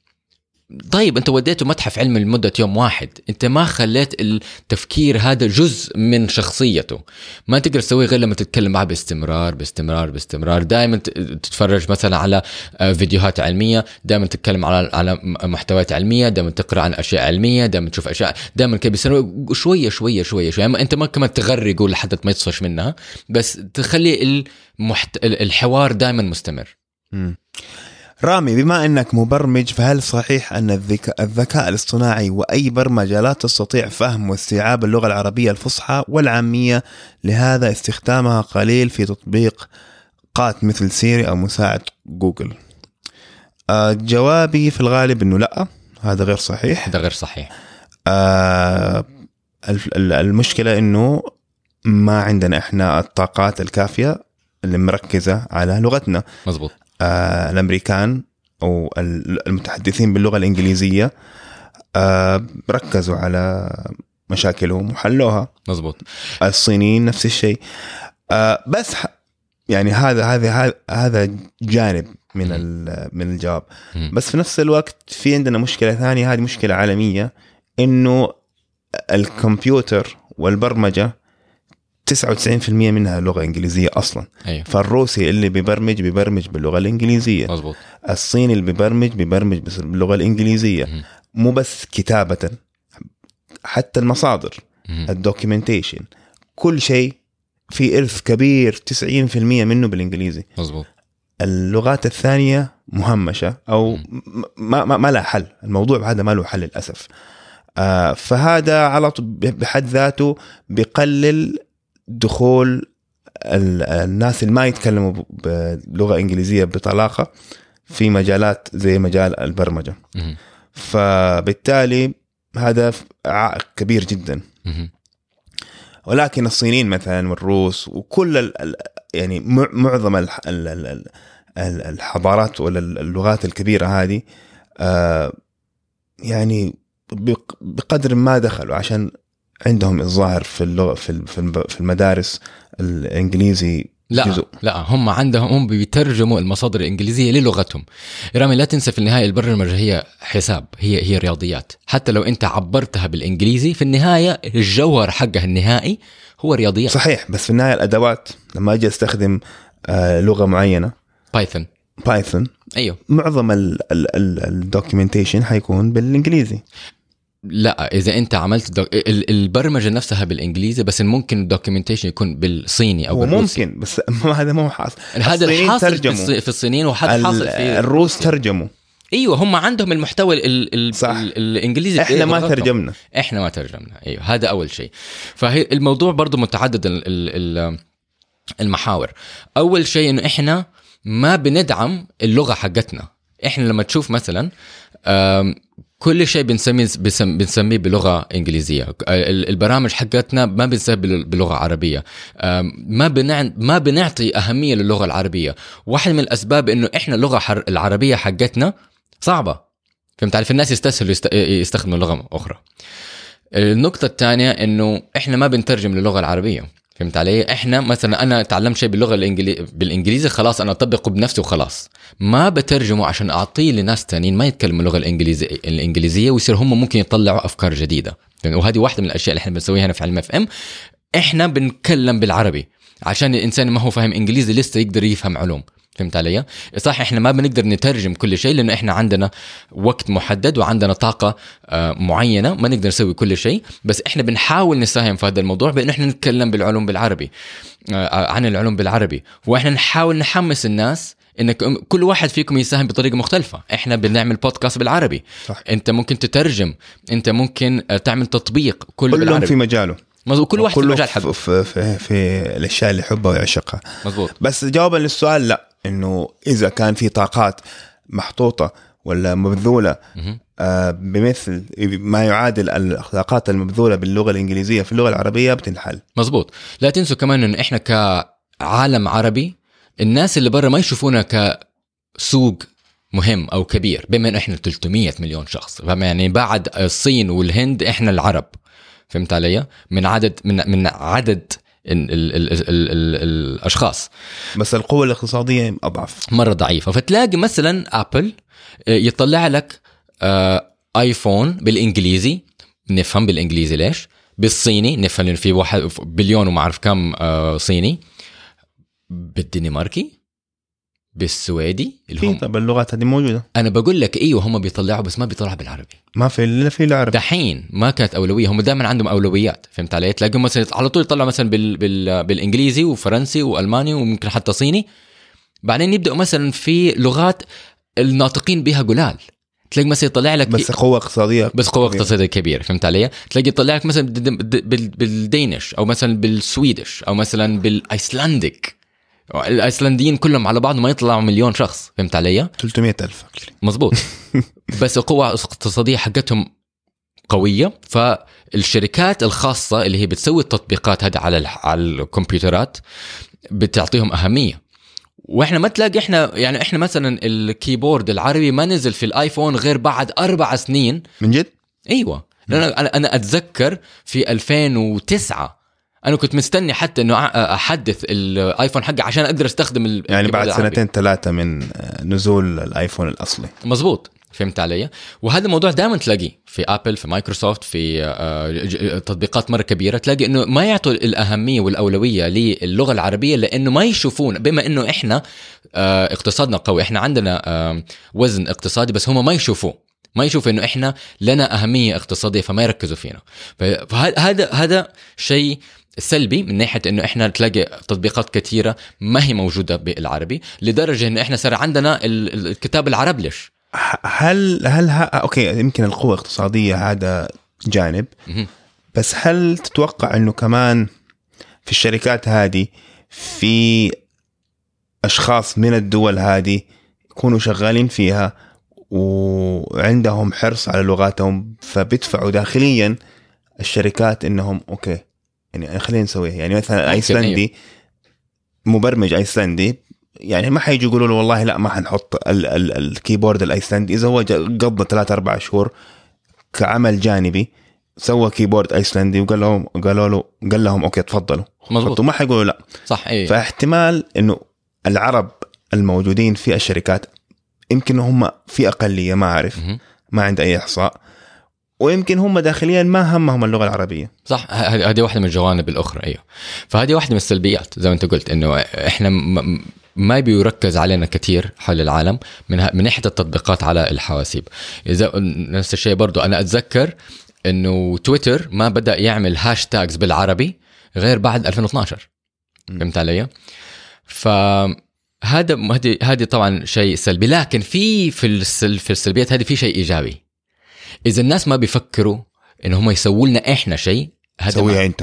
مزبوط هذا معناته هذه الفجوة إحنا ممكن نمليها إحنا بنفسنا معناته إحنا ممكن نطلع تطبيقات وإحنا نستفيد منها إحنا نعمل لنا فلوس. فاهم علي؟ يعني إذا آه ما في لينكس بالعربي هو في لينكس بالعربي. إذا ما في لينكس بالعربي ممكن إحنا واحد نعمل لينكس لنفسنا بالعربي. فاهم علي؟ إذا ما في تطبيق بالعربي ممكن إحنا نعمل تطبيق بالعربي. إذا فهمت علي؟ إذا ما في شيء إذا ما أحد سوى لنا شيء بالعربي إحنا ممكن نست... ننتهز هذه الفرصة ونسويها لنفسنا. ممتاز. آه ساري بالنسبة للكيمياء الحيوية فهل يعتبر علم الطعام جزء منها؟ وكيف تم تحويل عملية الطبخ إلى علم يدر يدرس البسترة والتبخير والتخمين وغيرها من العمليات عمليات الكيميائية الحيوية؟ هذا سؤال شوي صعب. آم، لا الموضوع ما هو بهذه البساطة. آم، علم الطعام زي زي أي شيء في العلوم ما هو منعزل تماما. في جزء منه فيزياء في جزء منه كيمياء في جزء منه أحياء في جزء منه حتى رياضيات. فلا ما هو منعزل تماما. عملية الطبخ عملية الطبخ إلى علم يدرس البسترة والتبخير والتخمير. هذه كلها عمليات كيميائية إحنا كنا نعرف عنها زمان ما هو شيء جديد. بعدين شرحناها بطريقة علمية فحللناها فقدرنا نطورها زي مثلا التخمير النبيذ كيف كانوا يسووا النبيذ؟ كانوا ياخذوا العنب. وليش كانوا ياخذوا العنب؟ لأنه هم إيش كانوا يسووا؟ كانوا يمسكوا ال- العنب طب هم ما يعرفوا إيش بيصير. هم بس كانوا يشوفوا إن لما نمسك عصير العنب وننسى عنه يبدأ يغلي يطلع لنا كده فقاعات. وبعد لما واذا وإذا سبناه يغلي يغلي يغلي يغلي فجأة يوقف ويصير نبيذ. لو شربناه نسكر. فهمت علي؟ فايش اللي بيصير؟ ما حد يعرف. لآلاف السنين. فهمت علي؟ كل اللي كانوا يعرفوا إنه لما نمس... لما نعصر ال- العنب ونسيبه لوحده كده يبدأ يغلي. وكانوا يشوفوا انه هذا شيء سحري وما أعرف إيش فهمت علي؟ والمشكلة كمان كان عندهم مشكلة مرة كبيرة اللي هو ال sedimentation لما أنت تسيب النبيذ مرة مدة طويلة ويغلي وبعدين يبطل يغلي إحنا نحن نعرف إنه هو كان فيه سكر والخميرة حقه استخدمت السكر كمصدر للطاقة عشان هي تعيش وتتكاثر والناتج هو ثاني أكسيد الكربون اللي هو الفقاعات هذه وإيثانول. والخلايا نفسها تبدأ تموت لما تزيد نسبة الإيثانول بعد حد معين عشان كده إحنا كنا نستخدم العنب ما كنا نستخدم أي مصدر للسكر آخر لأنه في العنب آه، نقدر ال ال الخميرة تقدر تعيش لفترة م- أطول وعندها غذاء يسمح لها إنها تستخدم السكر. زائد مصادر أخرى للغذاء فبالتالي تقدر تكون آه، نسبة أكبر من الكحول. يعني بمعنى آخر ممكن تستهلك كل ال- السكر وتعيش ل في تعيش في طبيعة نسبة كحول أعلى فبالتالي يصير عندك نسبة كحول كحول أعلى.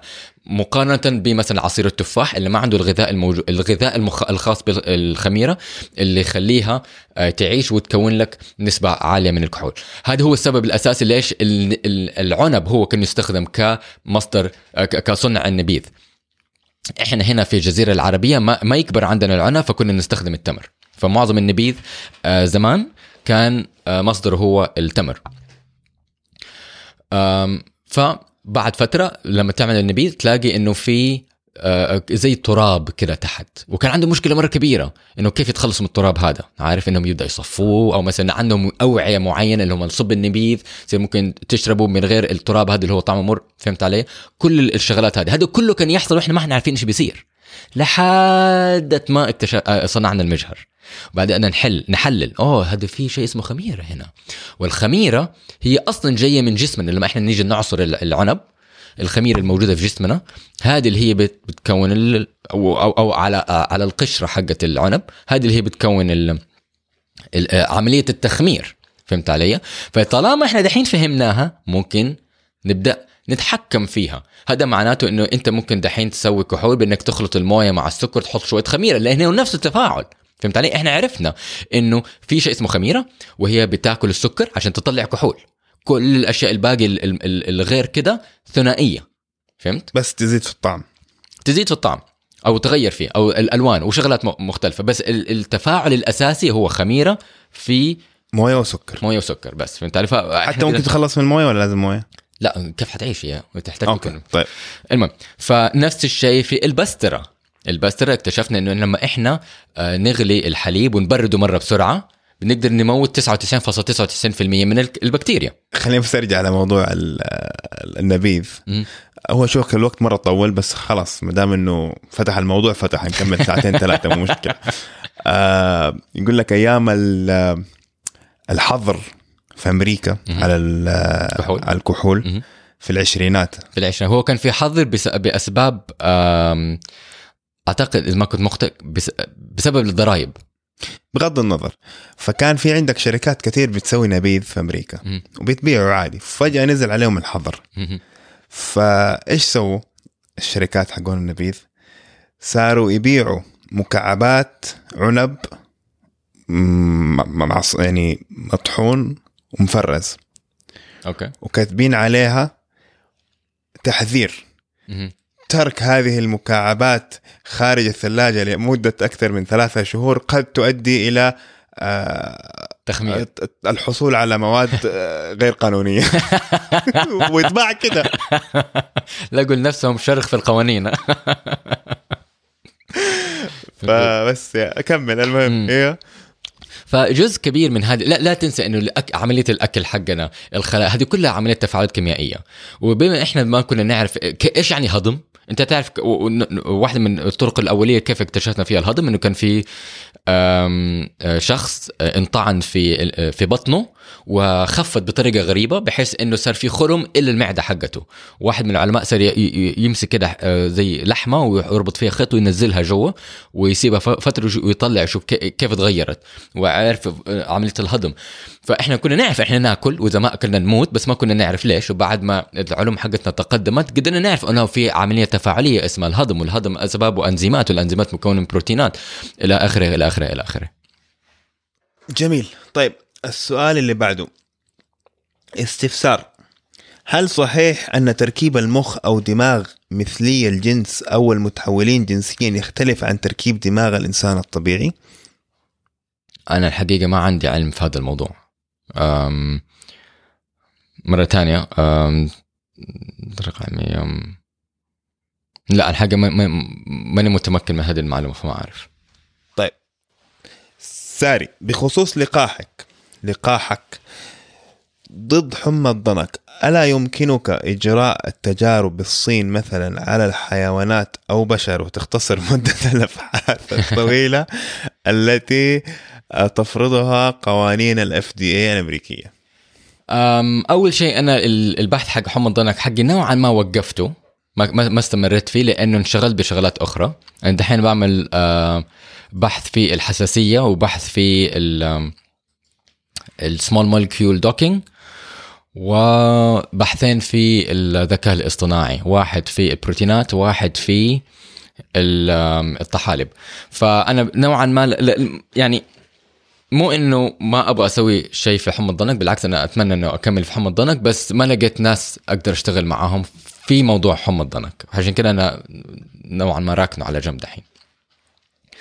بس أنا الت... ال... ال... الاهتمام حق الأساسي مو إنه أطلع لقاح وانشره وأسوي منه فلوس واخليه يعبر عبر التجارب الاكلينيكيه ويروح و... يسمح به أو يصير مسموح عن طريق الاف دي الأمريكية. لا أنا همي الأساسي هو إنه أسأل سؤال وأجاوب عليه. فأنا أبغى أسأل سؤال إنه إذا أنا عملت هذا البروتوكول واحد زائد واحد زائد واحد زائد واحد زائد ثلاثة آه، هل حيطلع لي اللقاح ولا لا؟ إذا اللقاح فعال ولا ما هو فعال أنا ما هو همي الأساسي أنا همي حتنشره خلاص اللي بيشيل بيصنع يصنع هو يشيل هم التصاريح وال هم هم يربحوا منه في النهاية فهمت؟ أنا همي الأساسي إنه أنا أسأل سؤال وأجاوب عليه. أوكي. آه ساري هل صحيح علميا أن البويضه المخصبة أو الزايجوت لا تتحول لجنين حي, حي؟ لا تتحول لجنين حي وينمو إلا بعد الأسبوع السادس؟ لا سؤال لا لا هي تنمو على طول. وممكن حتى نشوفها لأنه أنا اشتغلت قبل كده في في مختبر اطفال أنابيب أو ال in vitro fertilization ال IVF فمعناته إنه في جزء من البروتوكولات حقتهم إن هم يلقحوا بويضه خارج الجسم. اللي هو ال IVF اللي هو in vitro fertilization أو في الأنبوب. فإلا بعد التلقيح تلاقي على طول بعد ثاني يوم انقسمت طيب. صارت اثنين. تعقيب. يمكن هذا شوية سؤال جدلي. آه متى نقدر نعتبرها حية؟ هذا الموضوع آه فلسفي أكثر من هو علمي عارف؟ أو ممكن حتى يكون ديني أكثر من هو علمي. آه لأنه هل أنت تعتبر كأن البويضة هذه صارت إنسان حي وقت وقت التلقيح ولا بعد كم أسبوع معين لما يتكون القلب ويبدأ ينبض ولا لما يبدأ يتشكل ولا بعد الولاده هذا شيء أنا ما عندي له إجابة لأنه أنت عارف أنا أنا أنا أستنتج الأجوبة حقتي من أدلة فأنا ما ماني كويس في الأجوبة الفلسفية أو الدينية. إيش يعني شيء حي؟ مزبوط اللي هو اللي هو إذا أنت قلت لي هذه الحدود هذه النتائج والأدلة حقتها أقول لك إيوه بس إذا ما في إذا في شيء كده فلسفي ما حقدر أجاوبك عليه حيكون شوي صعب. في حالة ثبات وزن الإنسان يحاول خسارة الوزن الزائد ما السبب العلمي؟ وكيف يمكن دفع الجسم لخسارة هذا الوزن؟ هل من خلال زيادة وتحفيز عملية الأيض؟ أنت ممكن تجاوب عليه. لا ما انت انت عملت ال keto diet. انت لسه ماشي على ال keto diet صح؟ لا دحين صار لي أسبوع موقفه. آه ليش؟ آه بغير شوية. وممكن أرجع على بداية السنة الجاية. بس ال keto diet ما هو ال diet الوحيد يعني في آلاف من أنواع ال diet أنا حقيقة ما عمري عملت diet فما أعرف إيش الأنواع. أنت ما تحتاج تعمل diet. لو تعمل diet تختفي. لا بالعكس أنا أحتاج أعمل diet عشان ازيد وزني. تزيد وزنك فعلا. آه بس تزيد وزنك بطريقة سليمة. سليمة يعني مو ممكن مو بطريقة آه غير سليمة. آه والله ما يعني ما ما أحب أجاوب الأسئلة هذه بس فعلا هي مو تحفيز عملية الأيض قد ما إنه الإنسان في يومه في في في حياته اليومية بيحرق كمية معينة من من السعرات حسب طوله حسب جسمه حسب جنسه حسب حركته. فالفكرة إنك أنت تحرق أكثر من أكثر تاكل. من ما أنت تاكل عشان يعني هذه الفكرة الأساسية تماما يعني. آه عشان تحرق أكثر مما ما تأكل. عشان لم جسمك لما يحتاج أكثر حيحرق من الدهون الموجودة في الجسم. مظبوط. آه هذا هذا يعني ال basic مرة. كل diet بعد كده يجيك إنه والله كيف يعني نخلي بأقل ألم. بأقل مو شرط بأقل ألم ممكن كمان كيف تخلي أنت عملية الحرق هذه تكون أكثر فعالية. أيوه. مثلا. آه plus لا تنسى إنه موضوع ولا لا تنسي إنه موضوع الوزن يعني الوزن كمؤشر هو فقط مؤشر. آه ممكن أنا أجيب لك شخصين ولا نفس الشخص يكون وزنه 90 اليوم وبعد سنتين أجيب لك هو نفس الوزن 90 بس بعد سنتين الوزن هذا حيكون هو صحيا أحسن. أيوه. فالوزن ألو... يعني أنت إذا بدلت الدهون ب... بعضلات بيكون آه بتكون صحي أكثر. مزبوط فالوزن هذا فقط مؤشر. فلا تاخذ لا ما المفروض يؤخذ على محمل الجد لا تجي تقول والله أو آه أنا طولي 170 يعني معناه لازم يكون وزني 70 وخلاص. تأخذها ك ك يعني المؤشر الأول. المؤشر الوحيد. آه مؤشر ال BMI برضه هذا اللي بي- ال bio mass index. أيوه الب... الب... آه الايش؟ bio mass body body body mass index. اللي هو قسمة الوزن على الطول ولا شيء زي كذا. مم. ناس كثير برضو أوه والله هم عندهم ال- المؤشر هذا يقول لك والله إذا أنت ال ال ال ال النسبة حقتك فوق ال 25 مثلا هذا معناه إنك أنت آه، زائد الوزن. الكلام هذا كله أوكي هذا بس فقط مؤشر بس مو ش... مو ب... مو هو النهاية يعني.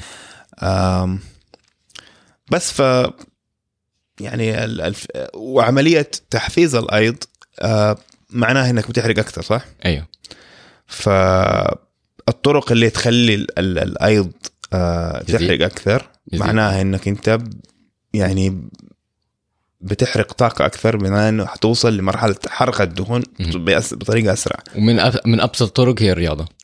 بالضبط. لما تعمل رياضة أنت بتحرق بتحرق أنت بترفع الأيض حقك عشان تحرق طاقة أكثر فبالتالي بت... آه، ب... آه، تخسر وزن. فايوه ال... ال... الرياضة هي من أنسب الطرق الإنسان آه، يخس فيها وزنه. طبعا يحتاج برضه يت- يتحكم في ال- ال- ال- اللي بيدخل في جسمه فيتحكم يتحكم في آه، الأكل حقه.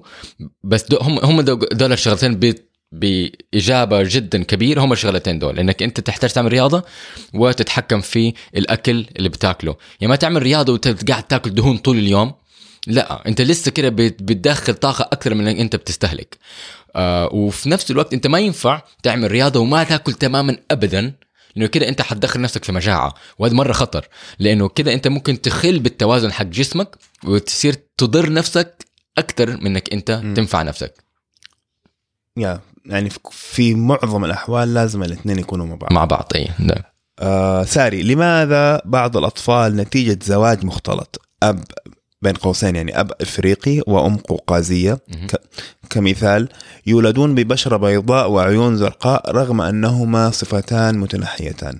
مثال زوجة الأمير هاني ميغان ميركل. فهذا الموضوع يجي على ال- الوراثة المندليه أو ال Mendelian genetics فاللي بيصير إنه إحنا عندنا الكرو... إحنا عندنا 23 زوج من الكروموسوم. تمام؟ زوج معناته إحنا اللي آه، كروموسوم رقم واحد في نسختين منه في نسخة من الأب ونسخة من الأم. كروموسوم رقم اثنين في نسختين منه واحدة من الأم واحدة من الأب. اللي بيصير إنه إحنا كبشر مخلطين. فكرة الأعراق هذه فكرة نوعا ما بدائية. إحنا لما نيجي نشوفها من ناحية العلوم إحنا ما نشوف أعراق إحنا نوعا ما نشوف خليط من الجينات تمام؟ ف اللي بيصير إنه ممكن إنسان يكون عنده الشكل الأفريقي اللي هو مثلا عيون لونها بني بشرة سمراء لكن هو حامل لمورثات أو جينات للعيون الزرقاء. بس العيون الزرقاء متنحية بالنسبة للعيون البنية اللي هي السائدة. فهو ما يظهر عليه فهو يكون حاملها. فهمت علي؟ لما يتزوج مع أحد عنده ممكن كمان يكون أفريقي. تمام؟ يعني برضو ممكن يكون عنده عيون بني وبشرة سمراء لكن هم الاثنين حاملين للمورثات المتنحية. عندهم 25% نسبة إنه الطفل حقهم يطلع بصفات متنحية. تمام؟ يعني ممكن يطلع ب يطلع ببشره سمراء لكن بعيون خضراء أو زرقاء. فهمت علي؟ هي نسبة. إحنا دائما نفكر في الوراثة زي هي زي الكوتشينة. الشدة تمام؟ لما أنت تخلط لما تفنط و تفنط ال- الكوتشينة إيش نسبة إيش النسبة إنك أنت عشوائيا تطلع ال القص؟ العص 4 على 52 مزبوط فهمت علي؟ يعني 1 على 13 بالضبط برافو عليك. هذا الصحيح فهمت؟ هذا نفس الشيء. بس إحنا بدل ما عندنا آه، آه، آه، كوتشينة مكونة من آه، 52 ورقة إحنا عندنا جينات مكونة من 22 ألف جين. فهمت علي؟ في النهاية مو بس عندنا 22 ألف جين بل- بس زي ما إحنا في الكوتشينة عندنا أربع ألوان لونين يعني أربع أشكال. إحنا عندنا أنواع مختلفة من كل جين. فهمت علي؟ عندنا مثلا في ال- الهيموجلوبين عندنا نوعين. عندنا نوع كويس ونوع ما كويس تمام؟ عندنا ال- الفصول حقت الدم. عندنا ال A وال B وعدم وجودهم ال O وعندنا ال Rhesus factor اللي هو ال- الموجب والسالب. فهمت؟ فكل جين عنده الاليلز حقته عنده ال آه، مو الاليلز عنده ال ال آه راحت من الم- راح من المصطلح. عنده ال اختلافات بسبب الطفرة. طفرات مختلفة تمام؟ عدد الطفرة لما تكون في في المورث بتكون متنحية تمام؟ فهذا شيء عادي. عاد دحين عشان إحنا نعرف كيف الجينات تشتغل عادي إنه نشوف مثلا اثنين من أعراق مختلفة يتجوزوا ويطلع عندهم جنين آه يا إنه بدمج صفاتهم مع بعض أو يمكن يبان كأنه عنده صفة جديدة ما عندهم بس هم في الواقع بيكونوا حاملين لها. تمام. فعادي إنك إحنا مثلا هنا في العالم العربي آه تبان بوضوح بالذات مثلا في الشام تلاقي أب وأم آه شعرهم أسود وطفلهم يطلع شعر أشقر. ليش؟ لأن هم غالبا هم الاثنين غالبا يكون عندهم حاملين للمورثة حقت الشعر الأشقر اللي هو اللي هي متنحيه بس حتى هذا مو حتمي. لا مو حتمي هي نسبة. نسبة يعني بس إنه يعني اذا ممكن أخوه ممكن يكون... أخوه ما يطلع أشقر. أوكي. مزبوط في آه في نسبة. تعرف اللي هو أنا صعب كده. أنا أختي شقرة وأنا أنا طالع أسمر. اي أنا أخوي أسمر. مم. تمام؟ صح. فهي نسبة. ولما وهذه هذه هذا الخ- الخلط بين الأعراق مرة مهم. لأنك أنت تبغى تخلط ال- البشر مع بعض ويصير معظم الناس حاملين للمورثات السائدة. لأن عادة المورثات المتنحية هي اللي عندها فط... آه، آه، طفرة. هي اللي بتكون مو دائما بس معظمها بيكون عندها مشكلة. فهمت علي؟ فأنت تبغى تخلط الناس مع بعض تبغى تخلط الناس يتجوزوا من من تركيبة وراثية مختلفة. مم. كل ما اختلفت كل ما الجنين يطلع بطريقة أصح. فهمت علي؟ ف هذا هو ال- هذه الفكرة الأساسية. طيب السؤال اللي بعده آه ما هو سؤال؟ هربت اليوم هذا أسئلة يا رامي أسئلة يا رامي. أنا؟ استنى الحلقة تخلص خلاص. لا لا ما في ما في. إحنا مخلصين. اليوم خلاص.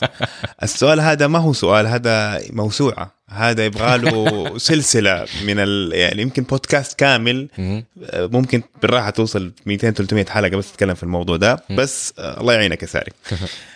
آه مرحبا ساري. أنا قرأت كثير تفسيرات لنظرية التطور لداروين لحد ما تشتت. ممكن تشرح لي نبذة عن النظرية بطريقة علمية من غير منطق؟ أصل الإنسان قرد اللي شوهوا فيها النظرية خصوصا الانتخاب الطبيعي.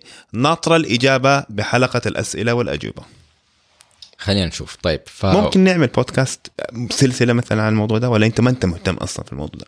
لا مو مو إنه حكاية مو مهتم هو إنه يعني هي ال- المنطق أساسي هو منطق واحد بس. عارف؟ ممكن تطبقه الاماكن كثير بألوان مختلفة لكن المنطق هو منطق نفسه. لا بس أنا أبغى؟ اعمل سلسلة عشر حلقات بس عن الموضوع ده. ممكن يعني إنه ن- نستبحر حتى في التاريخ حق داروين و... و... ورحلاته وكتاباته وكذا وكيف تطورت النظرية وكيف انه والله النظريه اليوم مختلفة كتير عن اللي أصلا هو طرحه. مزبوط اي ممكن إيوه. طيب. أم، نشوف كيف. خلينا نشوف. ال- المنطق الأساسي هو لما أنت يكون عندك فجوة أو ضغط في الطبيعة الطريقة الوحيدة اللي أنت ت- تقدر تنجو منها هو بالتكاثر الجنسي تمام؟ أو أو الطريقة الأسرع إنك تتطور به هو عن طريق التكاثر الجنسي أو تستنى طفرة في صالحك عشان تقدر يا تتخلص من الضغط حق الطبيعة يا إنك أنت آه، تملي فجوة في الطبيعة. خلينا أديك آه، مثال. فمثلا آه، هذا مثال دائما ادي عندي طلبة كثير اكلم لما أكلم عن التطور أكلمهم عن هذا المثال. لأنه مره مرة بسيط. خلينا نقول إحنا عندنا أرنب. طيب أرنب في الغابة. دحين إذا أنت دخلت الغابة وجوا الغابة إيش الألوان اللي تشوفها؟ ألوان الغابة اذا الأخضر الأخضر والبني. البني. يعني الأسود. ممكن أسود ممكن أصفر في في الخريف ممكن أبيض في الشتاء. خلينا خلينا نتكلم بطريقة مره مرة بس بسيطة. أوكي. أخضر وبني وأسود و... ألوان غامقة. أيوه. أيوه. اذا إذا أنت في غابة بالذات إذا كانت كثيفة ما يدخل لها ضوء مرة كثير فتلاقي كل شيء غامق تحت. الألوان الخشب ال- ال- الألوان الجذوع حقت الأشجار بتكون بني غامق التربة بتكون لونها أسود اللون الأخضر حق النباتات تحت الظل بيكون اخضر غامق. هذا معناته إذا أنت عندك أرنب لونه أسود هل حتقدر تشوفه بسهولة؟ لا. بالضبط.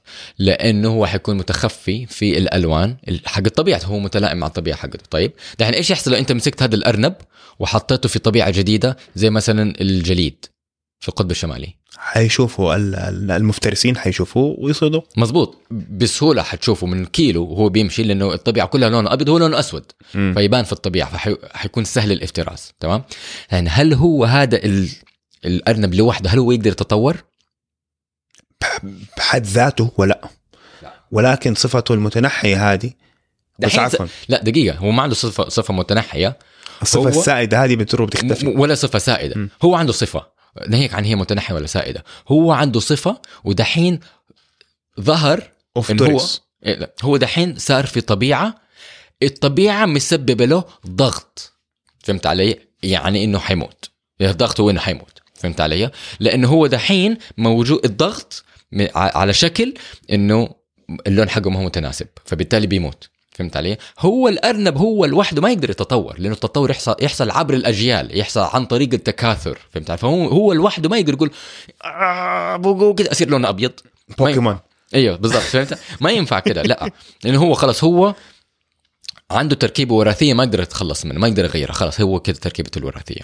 ولكن إذا كان عندنا population إيه، كامل إيه، من. الأرانب. البنية حطيناها في آه الجليد. مزبوط فلناخذ بغض النظر إنه والله ما يقدر أصلا يعيش في الجليد بس موضوع ده موضوع الافتراس. مزبوط أيوه. آه فخلينا نقول مثلا الغابة يوم من الأيام لسبب ما تقطعت وصار ينزل فيها ثلج تمام؟ فالطبيعة عندنا مليون أرنب عايش في هذه الطبيعة والطبيعة تغيرت من غابة إلى جليد تمام؟ كده يوم وليلة. فدحين هدول الأرانب المليون أرنب عليهم ضغط من الطبيعة لأن الطبيعة تغيرت تمام ما هي- ملائمة لهم معناته إن هم سهل إنهم يموتوا فإيش حيصير؟ حتلاقي إنه عشان إحنا عندنا مليون أرنب ممكن نقول إنه 50% منهم حيموتوا حيفترسوا تمام؟ وال 50% دول اللي حيفترسوا حيحموا ال 50% التانيين من الافتراس اللي هم اللي افترسوا يعني هم شبعوا الفريسة ال ال ال الذئاب مثلا. آه فالتانيين خلاص يعني الذئب شبع ما حياخذ ما حياكل التانيين فهم حيصيروا يحموا ال 50% اللي لم يفترسوا. فال 50% اللي لم يفترسوا هذول حنسميه جيل رقم صفر حي... حيسمح لهم إنهم يتكاثروا. تمام؟ فحيسمح لهم إنهم يتكاثروا ويكونوا جيل رقم واحد. دحين إحنا حنتكاثر عن طريق التكاثر الجنسي.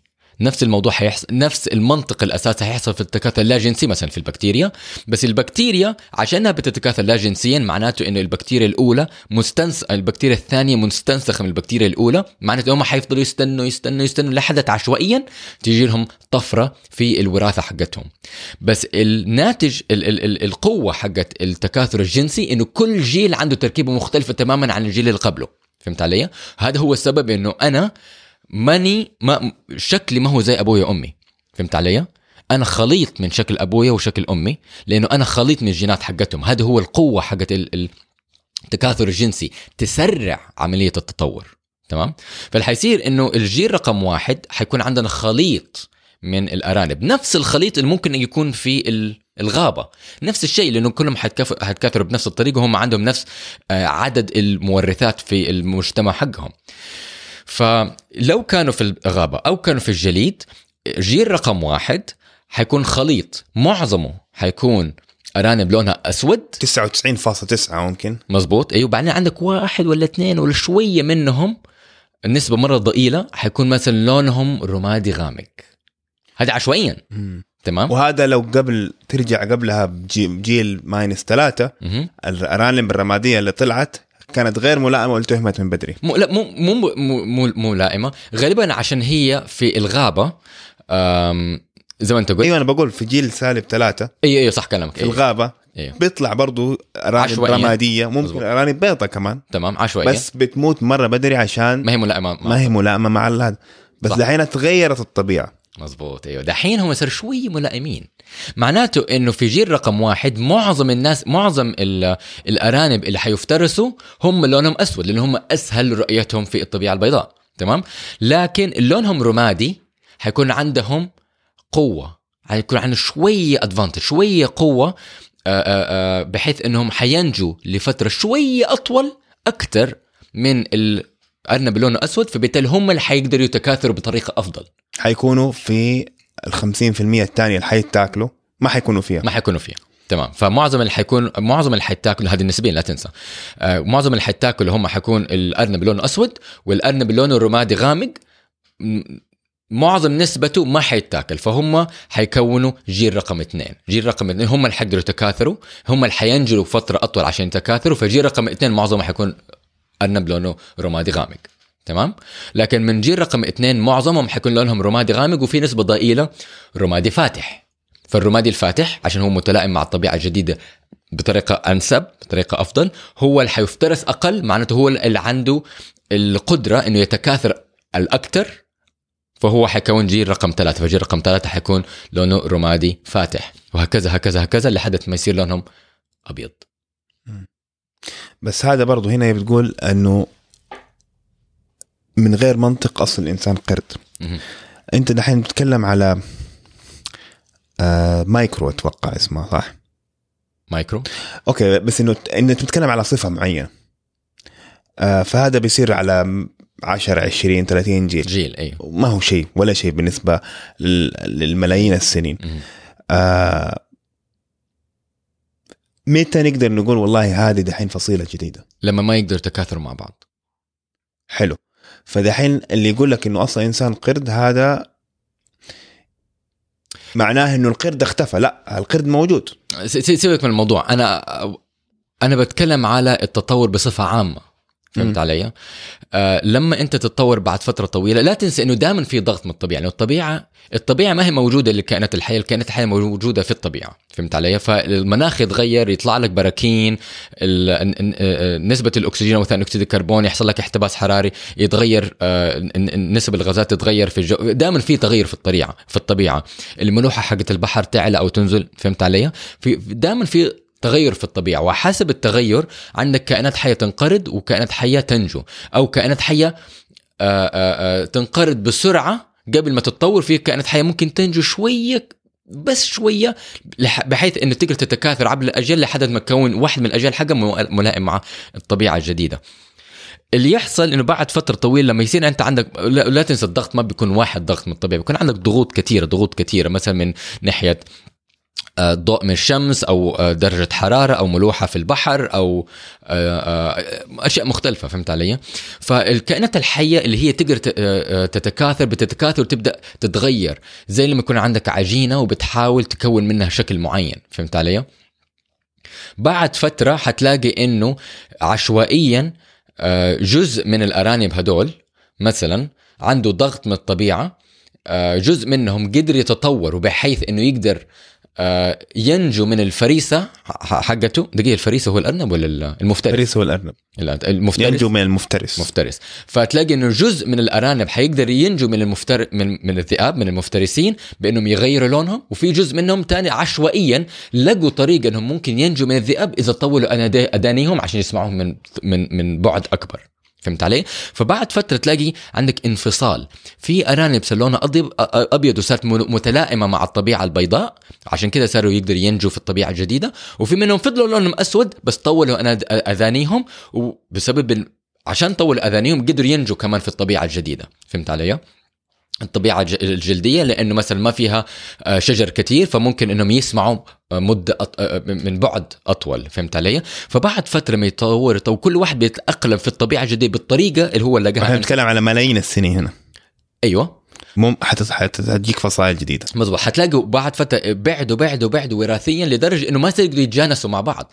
الذكر ما يقدر يتجانس مع الأنثى عشان يطلع جي جنين. فخلاص صار عندهم تركيبه وراثيه جدا مختلفة فما صاروا يقدروا يت- يتكاثروا مع بعض صاروا فصيلة مختلفة. فهو الفكرة إنه ما هو إنه والله جده هذا كان قرد. هم أصلا يعني يعني انحدروا من مكانين مخ يعني آه، يعني يعني خطين مختلفين. هذه هي الفكرة الأساسية والفكرة الأساسية ممكن نطبقها على حتى الفيروسات. يعني أنت إحنا إحنا نشوفها كل سنة نشوفها في الإنفلونزا آه نلاقي إنه الإنفلونزا لما إحنا نعطي إحنا نكون الضغط الطبيعي حق الإنفلونزا ال- ال- ال- الجهاز المناعي حقنا أو اللقاحات حقتنا نلاقي إنه هم مضطرين أو مو إنهم مضطرين هم ما يفكروا آه، هم تلاقيهم تطوروا عشان يقدروا يتخلصوا من الضغط الطبيعي اللي إحنا سويناه. فهمت علي؟ البكتيريا نفس الشيء. لما إحنا بدأنا نكون آه، نصنع ونستخدم المضادات الحيوية هم بدأوا يتطوروا عشان ي... عشان الطريقة الوحيدة اللي ينجوا فيها هو إنهم يكونوا مقاومين للمضادات الحيوية. فالموضوع هذا بينطبق على أي كائن حي. أوكي. زي ما قلت يبغى لها سلسلة من الحلقات هذه أتوقع. بالذات الناس اللي بيحاولوا يسألوا ويوفقوا بين آه، ال- ال- ال- الموضوع هذا والدين. طيب السؤال اللي بعده. آه كيفك يا رامي؟ بما أنك مبرمج شاطر ما حقول شاطر. سؤال صغير هل ممكن أتعلم منطق البرمجة من غير ما أتعلم برمجة محتاجة فكر مثل المبرمجين بس من غير ما أدخل بالتفاصيل ال Python وال Java وكل هاللوغاريتمات؟ ممكن تجاوبني بحلقة مكتوب اللوغاريتمات. أيوه أنا بس هي بترجمها بس- لأنها خوارزميات أي- أي. الخوارزميات. آه نعم. ممكن. اللغة آه لغة البرمجة هذا هذه فقط آه عشان تفهم الكمبيوتر كيف مم. كيف يطب يطبق الفكرة اللي انت بتف... بس انت قلتي ما أبغى أدخل بالتفاصيل ال Python وال Java وكل هالخوارزميات. البايثون والجافا شيء والخوارزميات شيء. أيوه. انت عشان تفهمي منطق البرمجة لازم تفهمي الخوارزميات أو بالأصح أنت ب... الرياضيات حقتها. أيوه أنت بت... بتطلعي خوارزمية وبعدين بتكتبيها بشكل معين عشان الكمبيوتر يفهمها. الخوارزمية يعني واحد زائد واحد هذه خوارزمية. هذه خوارزمية أيوة. آه فأنت فاهمة هذه. هذه أبسط خوارزمية. أيوه. آه بس إنك تبغى تفهمي كمبيوتر أشياء تانية أعقد. لازم تفهمي الرياضيات حقتها لا- لا- لا- والمنطق حق حقها بس ما مطبقيها. أيوه. انت تحتاجي ت- تبني خوارزمية تبني معادلة. مو ضروري رياضيا يعني ممكن تكون بروتوكول يعني تعمل الأول تعمل كذا الثاني تعمل كذا الثالث تعمل كذا. هذا هذا الخوارزمية لو أنت بنيتيها ممكن تقولي للكمبيوتر طبقها بس حتكتبيها بطريقة معينة بحيث إنه الكمبيوتر يطبق الخوارزمية يا أنا على البايثون يا أنا على الجافا أو السي بلس بلس أو كذا. ف ففي في علم الحاسوب في الكمبيوتر science في شيء اسمه algorithming إن أنت هم يدوك مثلا آه، آه، سؤال أو مثلا يقول لك طبق الموضوع هذه فتحتاج تبني له خوارزمية. ناهيك عن أنت كيف حتطبقها أو كيف حتكتبها للكمبيوتر عشان آه، الكمبيوتر يستخدمها. أنت تحتاج تبني الخوارزمية تبني البروتوكول أو المعادلة اللي حتمسك هذا الموضوع وتحلله إلى التفاصيل حقته ويصير تمشي على الخطوات الآتية عشان تطبقه. يعني مثال حول لي كل النص هذا باللغة الإنجليزية. من حروف صغيرة لحروف كبيرة. يعني أنا حقول لك آه تمام. آه إذا أنا عندي آه آم، الخطوة الأولى شوف الحرف الخطوة الثانية آه حول الحرف إلى كبير. هذه الخوارزمية. فهمت علي؟ بعدين بس حتى هذه فيها طفى ممكن تسويها بأكثر من طريقة. اي اي بط... هذه هي النقطة الأساسية، أنت تحتاج تبنيها، أنت ما تحتاج. تكتشفها أو ما تحتاج تحفظها أو ما تحتاج تبحث عنها، لا أنت تحتاج تبنيها، عشان كذا عندنا مبرمجين كثير يبنوا لك نفس البرنامج بطرق مختلفة، فهمت علي؟ آه أيوه. آه ممكن أنا أقول لك آه ممكن أنا أعمل لك جدول. آه و- وأقول هذا الجدول فيه له كل آه، حرف والمرادف حقه. الاي الصغيرة هي الاي الكبيرة البي الصغيرة هي البي الكبيرة. وأقول مثلا روح ابحث. تمام؟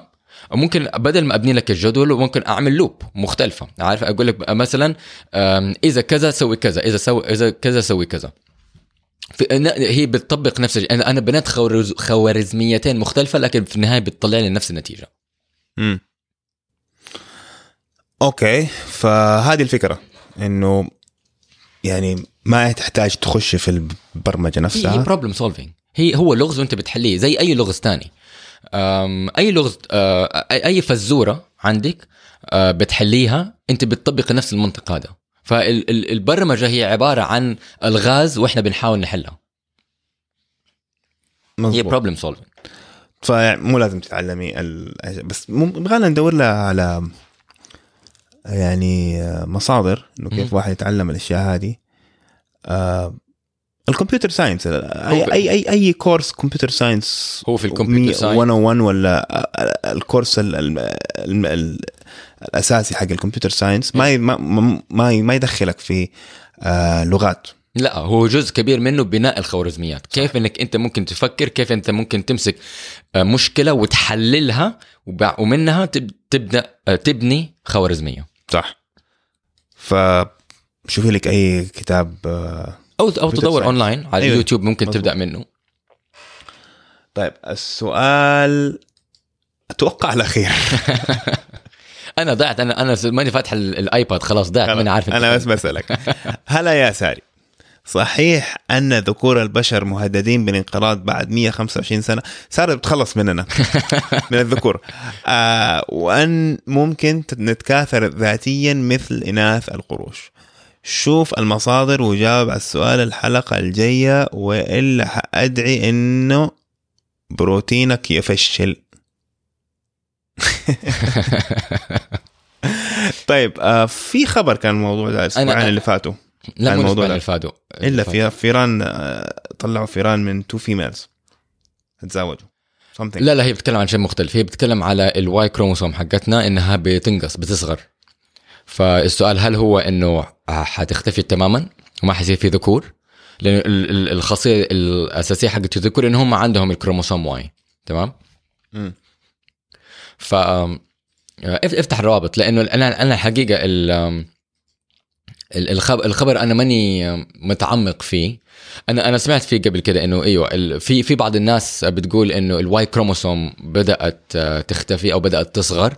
بس هل هي ظاهرة مؤقتة أو هل هي ظاهرة صغيرة؟ ولا إنه هي فعليا حتكتمل لحد ما تختفي تماما. الحقيقة أنا ماني متأكد. الروابط للأسف videos والروابط للأسف أنت حاططها في Trello كصور فأنا ما حكتب يوتيوب فورورد سلاش كابيتال بي اندرسكور واي دبليو ال دبليو جي يو في اس تي حطها. طيب كيف أحط لك كيف ال Trello إذا هي تويتر؟ إذا تغريدة. أعمل copy ال paste لل text وخلاص. أنت ما أنت فاهم لأنه أنا لما بسويها باخذ صو... يعني بتاخذ بالضبط ثانية واحدة باخذ صورة وأحطها على ال Trello آه عن طريق ال export. عشان كده بتطلع صور. فهمت علي؟ لأن بتطلع صور بال text واسم الشخص اللي عامل ال- التعليق ما في text بيطلع صورة بس.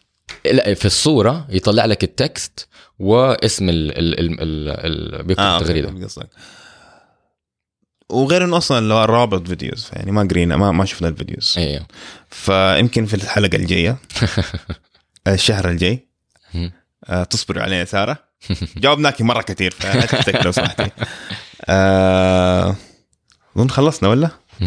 إذا فوتنا سؤال وما جاوبناكم بالله خشوا على تويتر وزعقوا علينا وهزئونا ليش ما جاوبناكم. إن شاء الله بنحطكم في الحلقة الجاية. إن شاء الله أيوه ففي شيء تاني ساري ولا؟ أم خلينا نشوف. أظن ساري عنده عنده حاجة يبغى يقولها. آه لا أعتقد في إيوه في تعليق دوباجيت آه دوبا جات؟ لا مو دباجات هو اللي حاصل إنه آه لما أنا أحط في الجوال لما لما أنا أنا أعدل في الجوال تريلو ما يحدث لي هي على ال iPad غير لما أفتحهم في نفس الوقت. آه okay. في يعني كمان سؤال. في آخر سؤال إيوه. يلا من حظكم. أنتوا جالسين تقولوا لنا صار لكم سنتين حلقاتكم قصيرة طولوها. شوف الخير لما يجي يجي. طيب عندنا الأخ أهم. من تويتر. آه الأفاتار حقته نوتيلا. ذكرتم في حلقة 28 أكثر طرق الاختراق انتشار و... وأمان الإنترنت أن رام يستخدم password wallet لكن ما علمتونا وش أفضل password wallet سؤال مرة كويس. سؤال جميل. أم... وطبعا ما في جواب ما في شيء اسمه أفضل. آه في شيء يناسبك وفي شيء ما يناسبك. مم. أنا كنت أستخدم آه LastPass مم. و LastPass قوي جدا. آه عنده خصائص مرة كتير حلوة. آم، منها إنه يعني غير الأشياء الأساسية إنه بيحفظ لك ال passwords حقتك. آه، يعبي لك ال- ال- ال- ال form ولا بيعبي يعمل لك أو يعمل لك login من نفسه. على المتصفح. ولو تبغى على الجوال يعمل لك إياها برضه بس بتدفع فلوس. آه بس الأشياء الإضافية عنده مثلا تقدر تمنع إنه والله أي واحد آه يخش على ال password wallet لو إنه ما هو جاي من IP من بلدك. فمعنى لا سمح الله لو إنه ال password حقك آه ال password حقك اتعرف فأنت حتمنع كل الدول الثانية ما عدا السعودية إنه يخشوا عليك مم. ولو لو واحد من برا عنده ال password حقك وحاول يخش حيجيك إيميل والله في أحد من هونغ كونغ ولا ما أدري متعلق على هونغ كونغ اليوم. من البرازيل بيخش عليك فساعتها تعرف والله أوه في مشكلة. فتروح تغير ال password. أو إذا أنت من البرازيل كنت في مسافر في البرازيل بيجيك الإيميل هذا وتضغط على الرابط عشان تسمح ل- بس ديك مش هذه خدمة من المط... من ال- ال service نفسه مو من ال... من LastPass هي LastPass خدمة مم. أنا كنت أستخدم LastPass استخدمت LastPass أربع خمس سنين مم.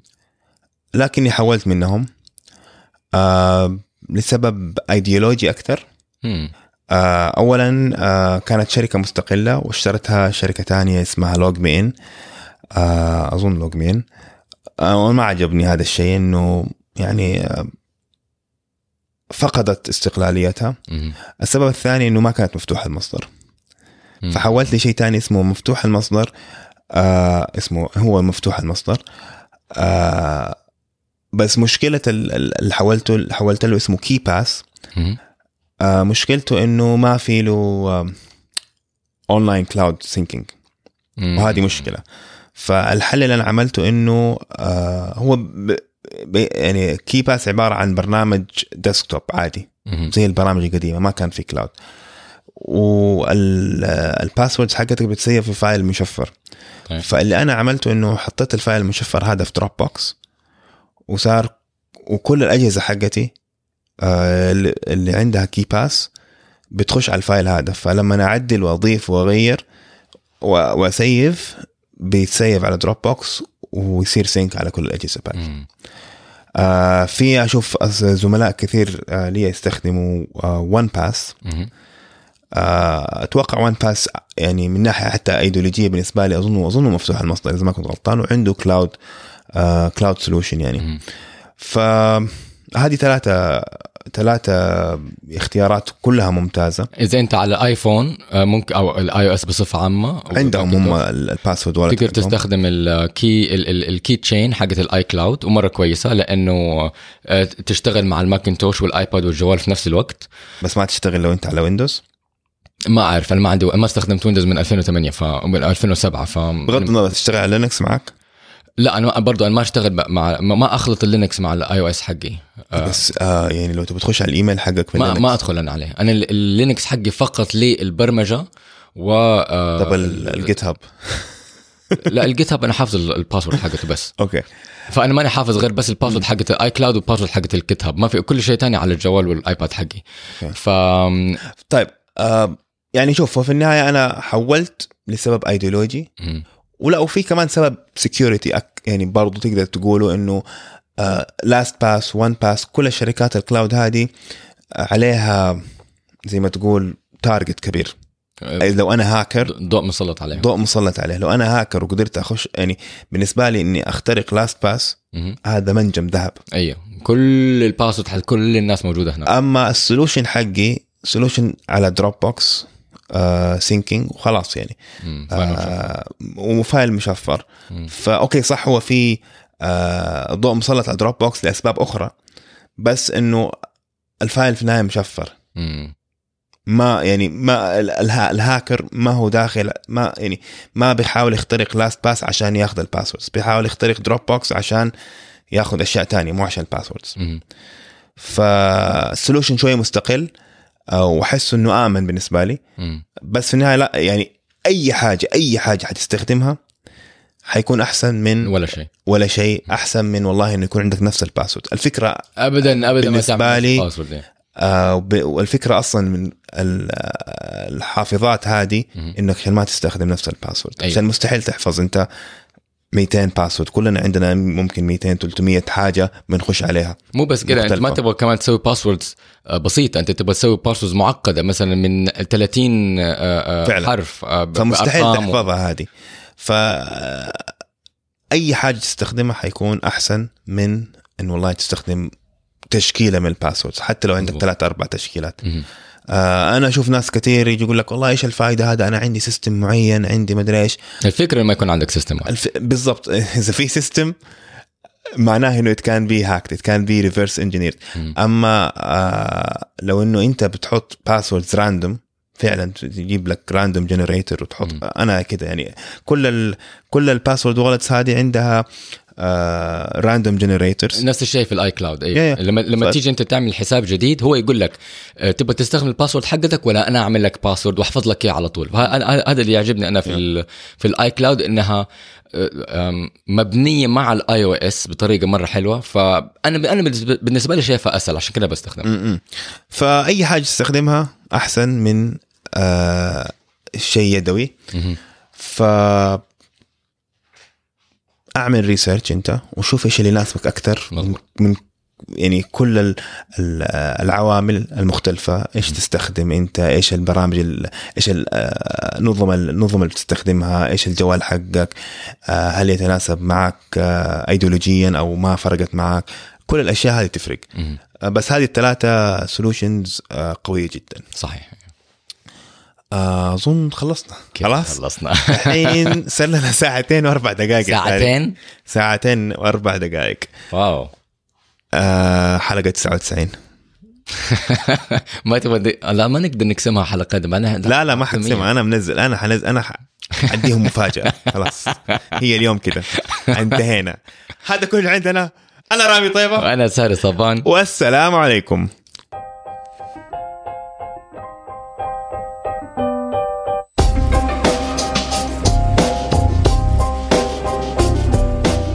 علم FM بتقديم رامي طيبة وساري صبان ومساعدة عبد الرحمن العثيم.